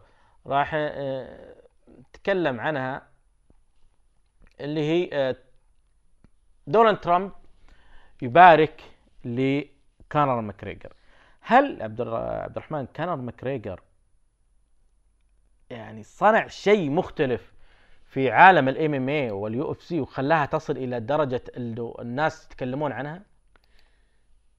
آه إيه. أقرب مثال شو تذكر آه، قصته؟ بداياته؟ إيه. خلاص هذه تكفي. زوجته كيف كانت تتكلم إنه كان يجمع الفلوس والى اخره طيب نروح لوزير الشؤون البلدية المكلف الدكتور ماجد عبد الله القصبي يوجه جميع الأمانات بإلزام المطاعم والقصور وقاعات الأفراح بالتعاقد مع جمعيات حفظ النعمة. أفضل شيء سمعته هذا الأسبوع. نعاني كثير في المطاعم زيادة الرز اللحوم آه، في قاعات الأفراح. الآن خلاص رسمي لازم كل قاعة كل قصر أفراح كل مطعم يتعاقد مع جمعيات حفظ النعمة. ما لي- له دخل يعني مثلا أنا استاجر شقه أو- خلاص مو لازم أنا يا صاحب الزواج أو أنا يا آه، آه، يعني آه، تجي أنت المطعم وتأخذ باقي الأكل خلاص غصبا عنهم يت- يتعاقدون مع جمعيات حفظ النعمة. كويس هذا. هذا من شكر النعمة. هذا شيء يجعل الله سبحانه وتعالى يديم لنا هذا من شكر النعمة. هنا شكر نعمة. فيشكر عليها الوزير الدكتور ماجد الق- القاصبي يشكر جدا عليها يعني. بصراحة من القرارات اللي أسعدتني آه نرجع ونروح ونجي على اضطراب إدمان العاب الفيديو. غير صحيح. أنا أقول صحيح مليون بالمية لأنه أنا أراها في بيئة عملي أراها قدامي الناس تجي ما نامت. الناس تجي كل مخه عن الجيمز إدمان أكثر من أربع ساعات خطر خطر خطر فادح. يعني أنا ما عندي مشكلة. آه، أوكي هذه لغة العصر يا عبد الرحمن بس خليها أربع ساعات باليوم ثلاث ساعات باليوم. مو يومك كله يروح على الألعاب هذه. معليش هذه عنصرية. طيب ليش ما تكتب الجهاز؟ على طول الفيديو. طيب ممكن أغلب الناس اللي, اللي تنام أربع ساعات كلها تجلس تتابع ترى. ترى كثير ناس مو تلعب تتابع. تتابع مسلسلات تتابع أفلام. أنت على طول أي شيء فيديو ألعاب فيديو لا ما له دخل. نروح لحبيبنا في نمط سعد يقول آه، عودتي بعد غياب آه، بس حرام تعطون مباراة ال women مالت NXT UK حقها مباراة خرافية. اشوفها كانت ثانية أحلى مباراة في العرض. بيبر ضد كي كيلي ري وتفوز بيبر وجيسي جايبر تفصل وتقلب على آه، ما حد مهتم له إلا أنت يا سعد. لا حرام يعني عندك ال- الفرق هذه الحالة.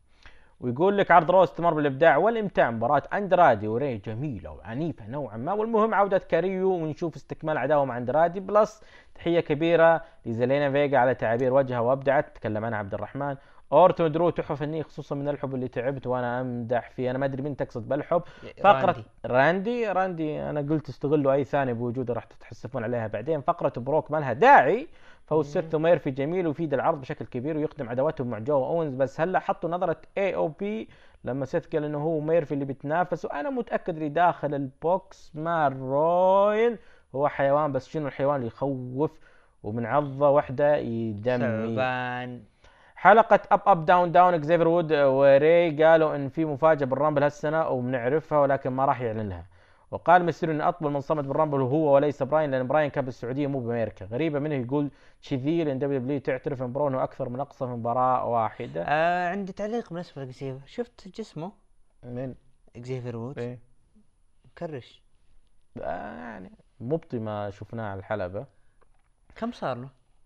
ما مبطي والله وين؟ من أكتوبر أو سبتمبر هي ناسي. آه. آه، خبر رائع أنا بالنسبة لي. مانجا للانتاج تعلن إنه الجمعة بعد صلاة العصر راح تبث MBC 1 أول حلقات مسلسل كرتوني اللي هو أساطير في قادم الزمان. هو مسلسل آه، كرتوني مدته 13 حلقة آه، في جدة وعندها احفادها موجودة في المستقبل أتوقع 20 30 أو 20 40 ما أدري.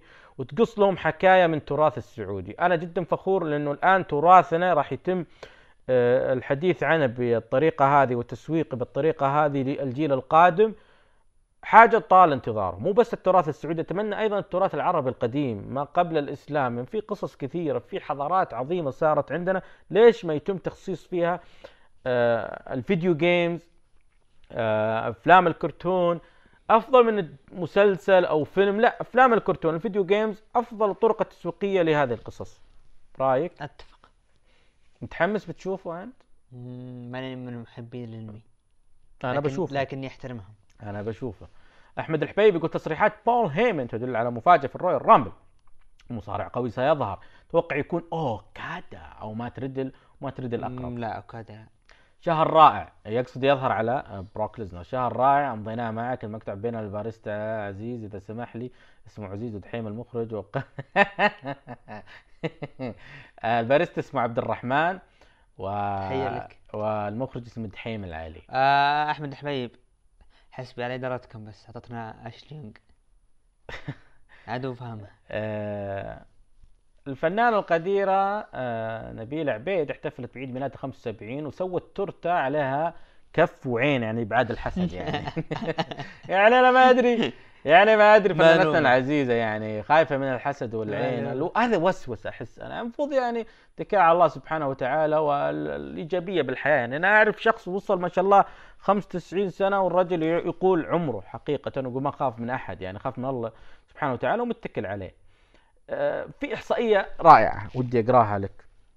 السويد النرويج الدنمارك هولندا تعتبر من الدول الناس يشغلون فيها من ناحية الحريات. الحريات تعطي حريات للجميع. معيشة ممتازة. أنا. في 2019 في 2019 ماذا حدث في السويد؟ بلغه الأرقام. 257 تفجير. 8350 حالة اغتصاب. 2291 سرقة أطفال. 42 حالة قتل. 40 حالة تشويه جنسي للنساء. حرق سيارة ليليا. 60 منطقة شديدة الخطورة يمنع من دخولها المدنيين. تخيل هذا كله في السويد صاحب الحريات. لذلك أنا بالنسبة لي الحريات ما توكل عيش الحريات لا تصنع أمان الحريات لا ترفع المجتمعات والأمم. لذلك عارفين وين تحطون حرياتكم ارجع. ارجعوا بيوتكم ارجعوا بيوتكم. عودوا إلى بيوتكم. آه، في نامل سعد رجعنا يقول افتتاحيه آه، يفوز بأفضل فريق ب دبليو دبليو بس كانت واضحة من قبل المباراة لما كون راح طاوله التعليق وما علينا يقصد آه، زاك جيبسون إي نعم. وجيمس دريك طبعا في نامل سعد هو آه، من مطبلين NXT UK مثلي آه، يقول مباراة امبريوم أو بروزر ويت جدا آه، رائع ويترقب ل آه، آه، ال main ال- ال- النهائي اللي بيقام الأسبوع القادم بين زاك جيبسون وجيمس دريك ضد بيت دان ومات ريدل توقعاتك مين اللي بيفوز؟ آه زاك زاك جيبسون و- جيمس دريك؟ إيه. يفوزون على مات ريدل وبيت دان؟ yep. أنا أقول مات ريدل وبيت دان هم أبطال بطولة داستي روز هذا الأسبوع ومع نهاية ال- الهاشتاج نروح للمداخلات الهاتفية ونرجع لكم بإعلان مهم جدا بيتعلق في حلقة الأسبوع القادم. ونقول ألو من معنا؟ معك عبد الله خالد. أهلا عبد الله خالد منين تكلمنا؟ من الرياض. يا هلا والله عبد الله. كيف حالك؟ طيب الحمد لله. آه، مداخلتك ال- عن إيش تبي تتكلم اليوم؟ تتكلم عن الرامبل. آه، مباراة محددة ولا مباراة الرامبل؟ مباراة الرويال رامبل. عطنا اللي 30 عندك. عطنا اللي عندك. أتوقع أتوقع بيفوز درو ماكنتاير. طيب. وليش درو ماكنتاير هو اللي يفوز؟ أنا احس البناء هو اللي مركزين عليه أكثر شيء. ما تشوف إنه في ثانيين غيره يعني بنائهم أيضا مركزين عليه؟ يعني عندك مثلا بناء بروك ليزنر عندك آه، راندي وأي جي ستايلز يعني. يعني مؤخرا في سماك داون آه، عندك شينسكي برون سترومان لا أنا أحس الرامبل ما راح تطلع بين درو ماكنتاير أو رومان رين ما راح تطلع بين من غيرهم. توقعاتك طيب آه، من اللي بيقص يعني أنت ترى إنه قد يكونوا اثنين آخر اثنين متواجدين الحلبة؟ آخر اثنين درو أو رومان اثنينهم بيكونوا موجودين على الحلبة وواحد منهم بيقصي الثاني وبيفوز في الرامبل. إيه. طيب آه، رومان من بيقابل في ال main إذا فاز؟ تسفين ودرو ماكنتاير بروك ليزنر. يعني اللي ب SmackDown بيروح ل SmackDown واللي في Raw بيروح ل Raw ما تحس إن هذه شوي. يعني ما في شيء جديد نبغى شيء جديد فيها. شوف أحد كل بسماك السنوات اللي ف... كل السنوات اللي راحت كذا آخر ثلاث سنوات. سيث يوم فاز قابل بروك ف Raw. راندي يوم فاز قابل نفس الشيء قابل بريف سماك ناكامورا يوم فاز قابل ستايلز. يعني نفسها. ما كان في اختلاف. إي طيب ليش ما تتوقع إنه آه هذا الرامبل ممكن ياخذ اختلاف ثاني مختلف؟ إذا كان لا خليني أصي... أصي... ما أحس. خليني اصيغ لك بصياغة ثانية. خليني اصيغ لك بصياغة. هل ممكن ممكن ممكن يكون في بطل مفاجئ غير متوقع؟ ولا تستبعدها؟ ممكن واحد يرجع ممكن عودة. يرجع ويفوز. بمباراة ال Royal. Rumble. مين؟ إيج. إيج؟ سي إم بانك. يا أو بانك. ما تحس إنه مرة صعب الاثنين ذول يفوزون في ال Rumble؟ لو رجعوا هم اللي بيفوزون. يعني إيج. واحد منهم.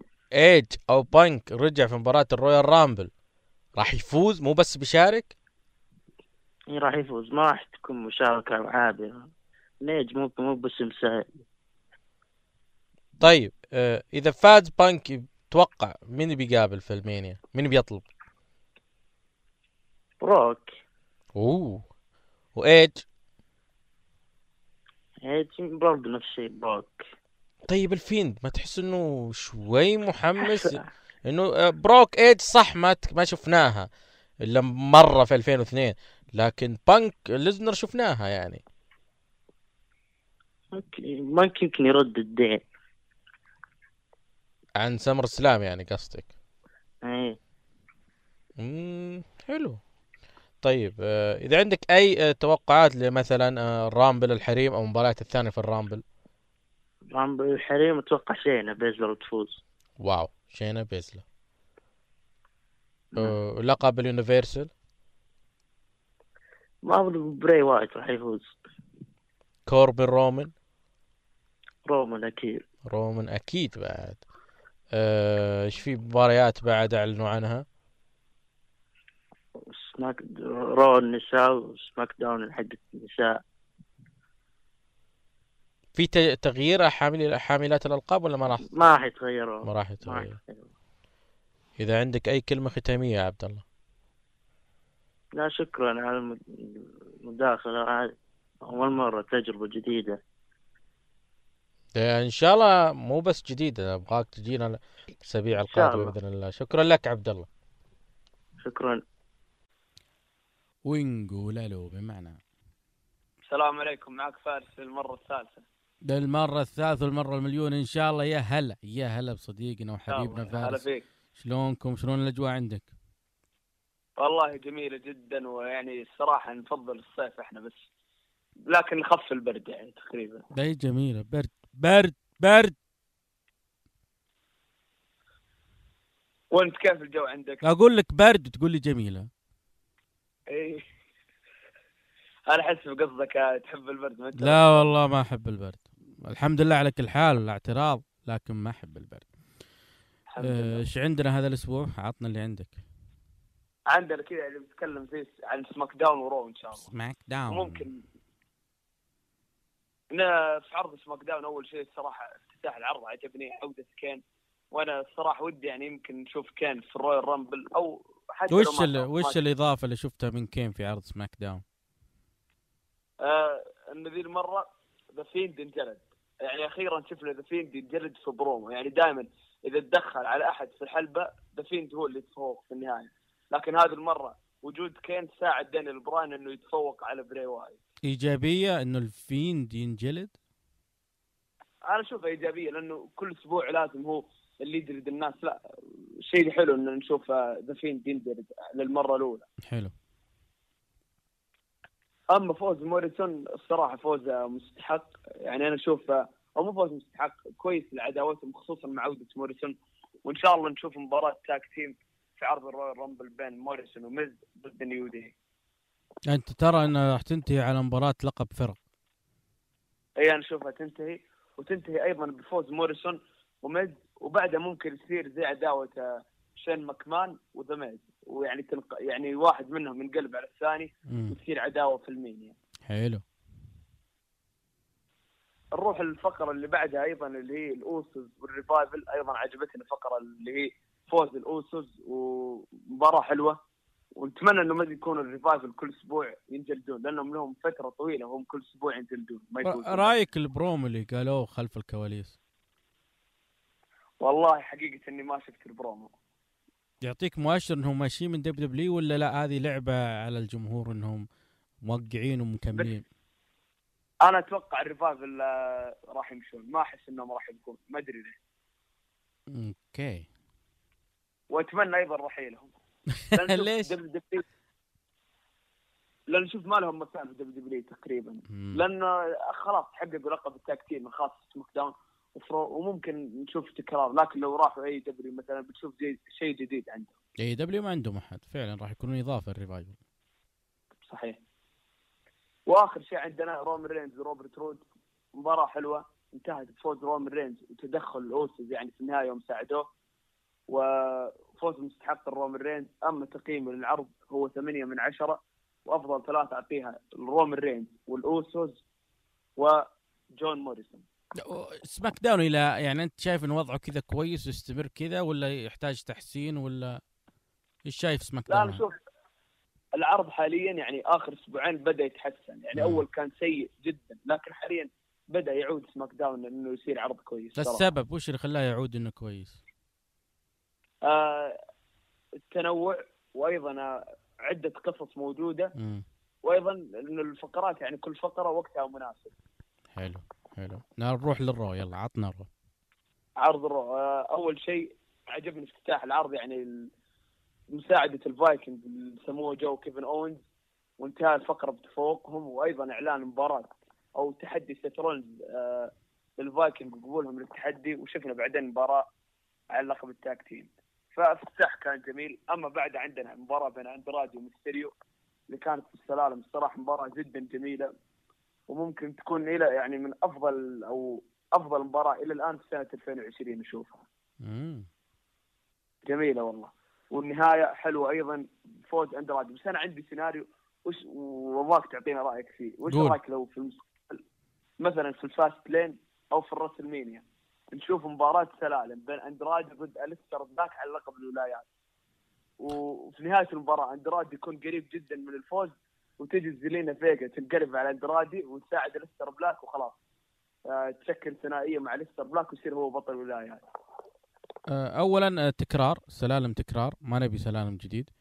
اثنين انقلاب زلينا على اندرادي حلو من ناحية إنه يطلعون لك اندرادي ك face ثم تطلع تشارلوت وتفزع لرجلها ومن هالحكي.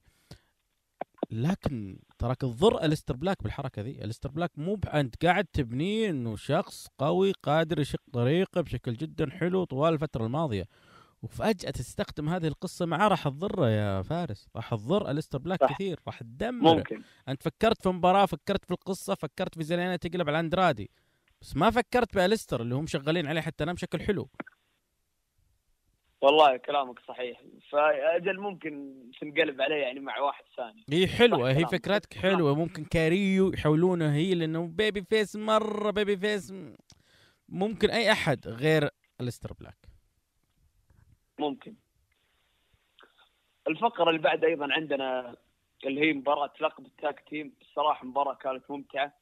و- وأنا عندي تعليق حول بدي ميرفي الصراحة هذا النجم يعني نجم جدا ممتاز. يعني في بداية العروض كان ينجلد و... ويخسر آخر أربع أسابيع تقريبا كل أسبوع من أليستر بلاك. وحاليا صار بطل ال tag team مع أفضل مصارع في عام 2019 اللي هو سيث رولينز الصراحة برأيي الشخصي. فشيء كويس جدا لبدي ميرفي ويستاهل المكان اللي هو فيه. لأنه مصارع والله ممتاز جدا. لا تحس إنه. إنه تكرار إنه إذا بلشوا بسيث رولينز مو له قصة دخلوه على لقب الفرق وخلوه بطل فرق. ما تحس إنه تكرار لرولينز؟ كل شوي يرمونه على لقب الفرق؟ صح والله تكرار. هذه أتفق. وبادي ميرفي طالع من فئة الفرق على فئة الفردي قدم حاجة حلوة كبطل cruiserweight. بعدين اشتغلت عليه صح في SmackDown دخلته بعداوة حلوة مع أليستر بلاك. بعدين ترجعوا لل tag teams. طيب AO P على الأقل tag team مع اسم كبير يعني زي رولينز بس أنت عارف شوف أنا اللي. ودي من هذه العداوة أن نشوف سموا جو وكيفن اونز يدخلون على اللقب ويحققون اللقب. هو هذه يعني الفكرة هذه الفكرة. بعدين AOP يدخلون ياخذون الألقاب بعدين تصير عداوة بين ال AOP وال Viking Raiders في ال Mania فهي واضحة كيف ال... والله هذا اللي أنا ودي يصير. هذه الخطة كلها هي واضحة كذا يعني هي رايحة كذا يعني. لكن سيث انت أنت عارف أنا رأيي في سيث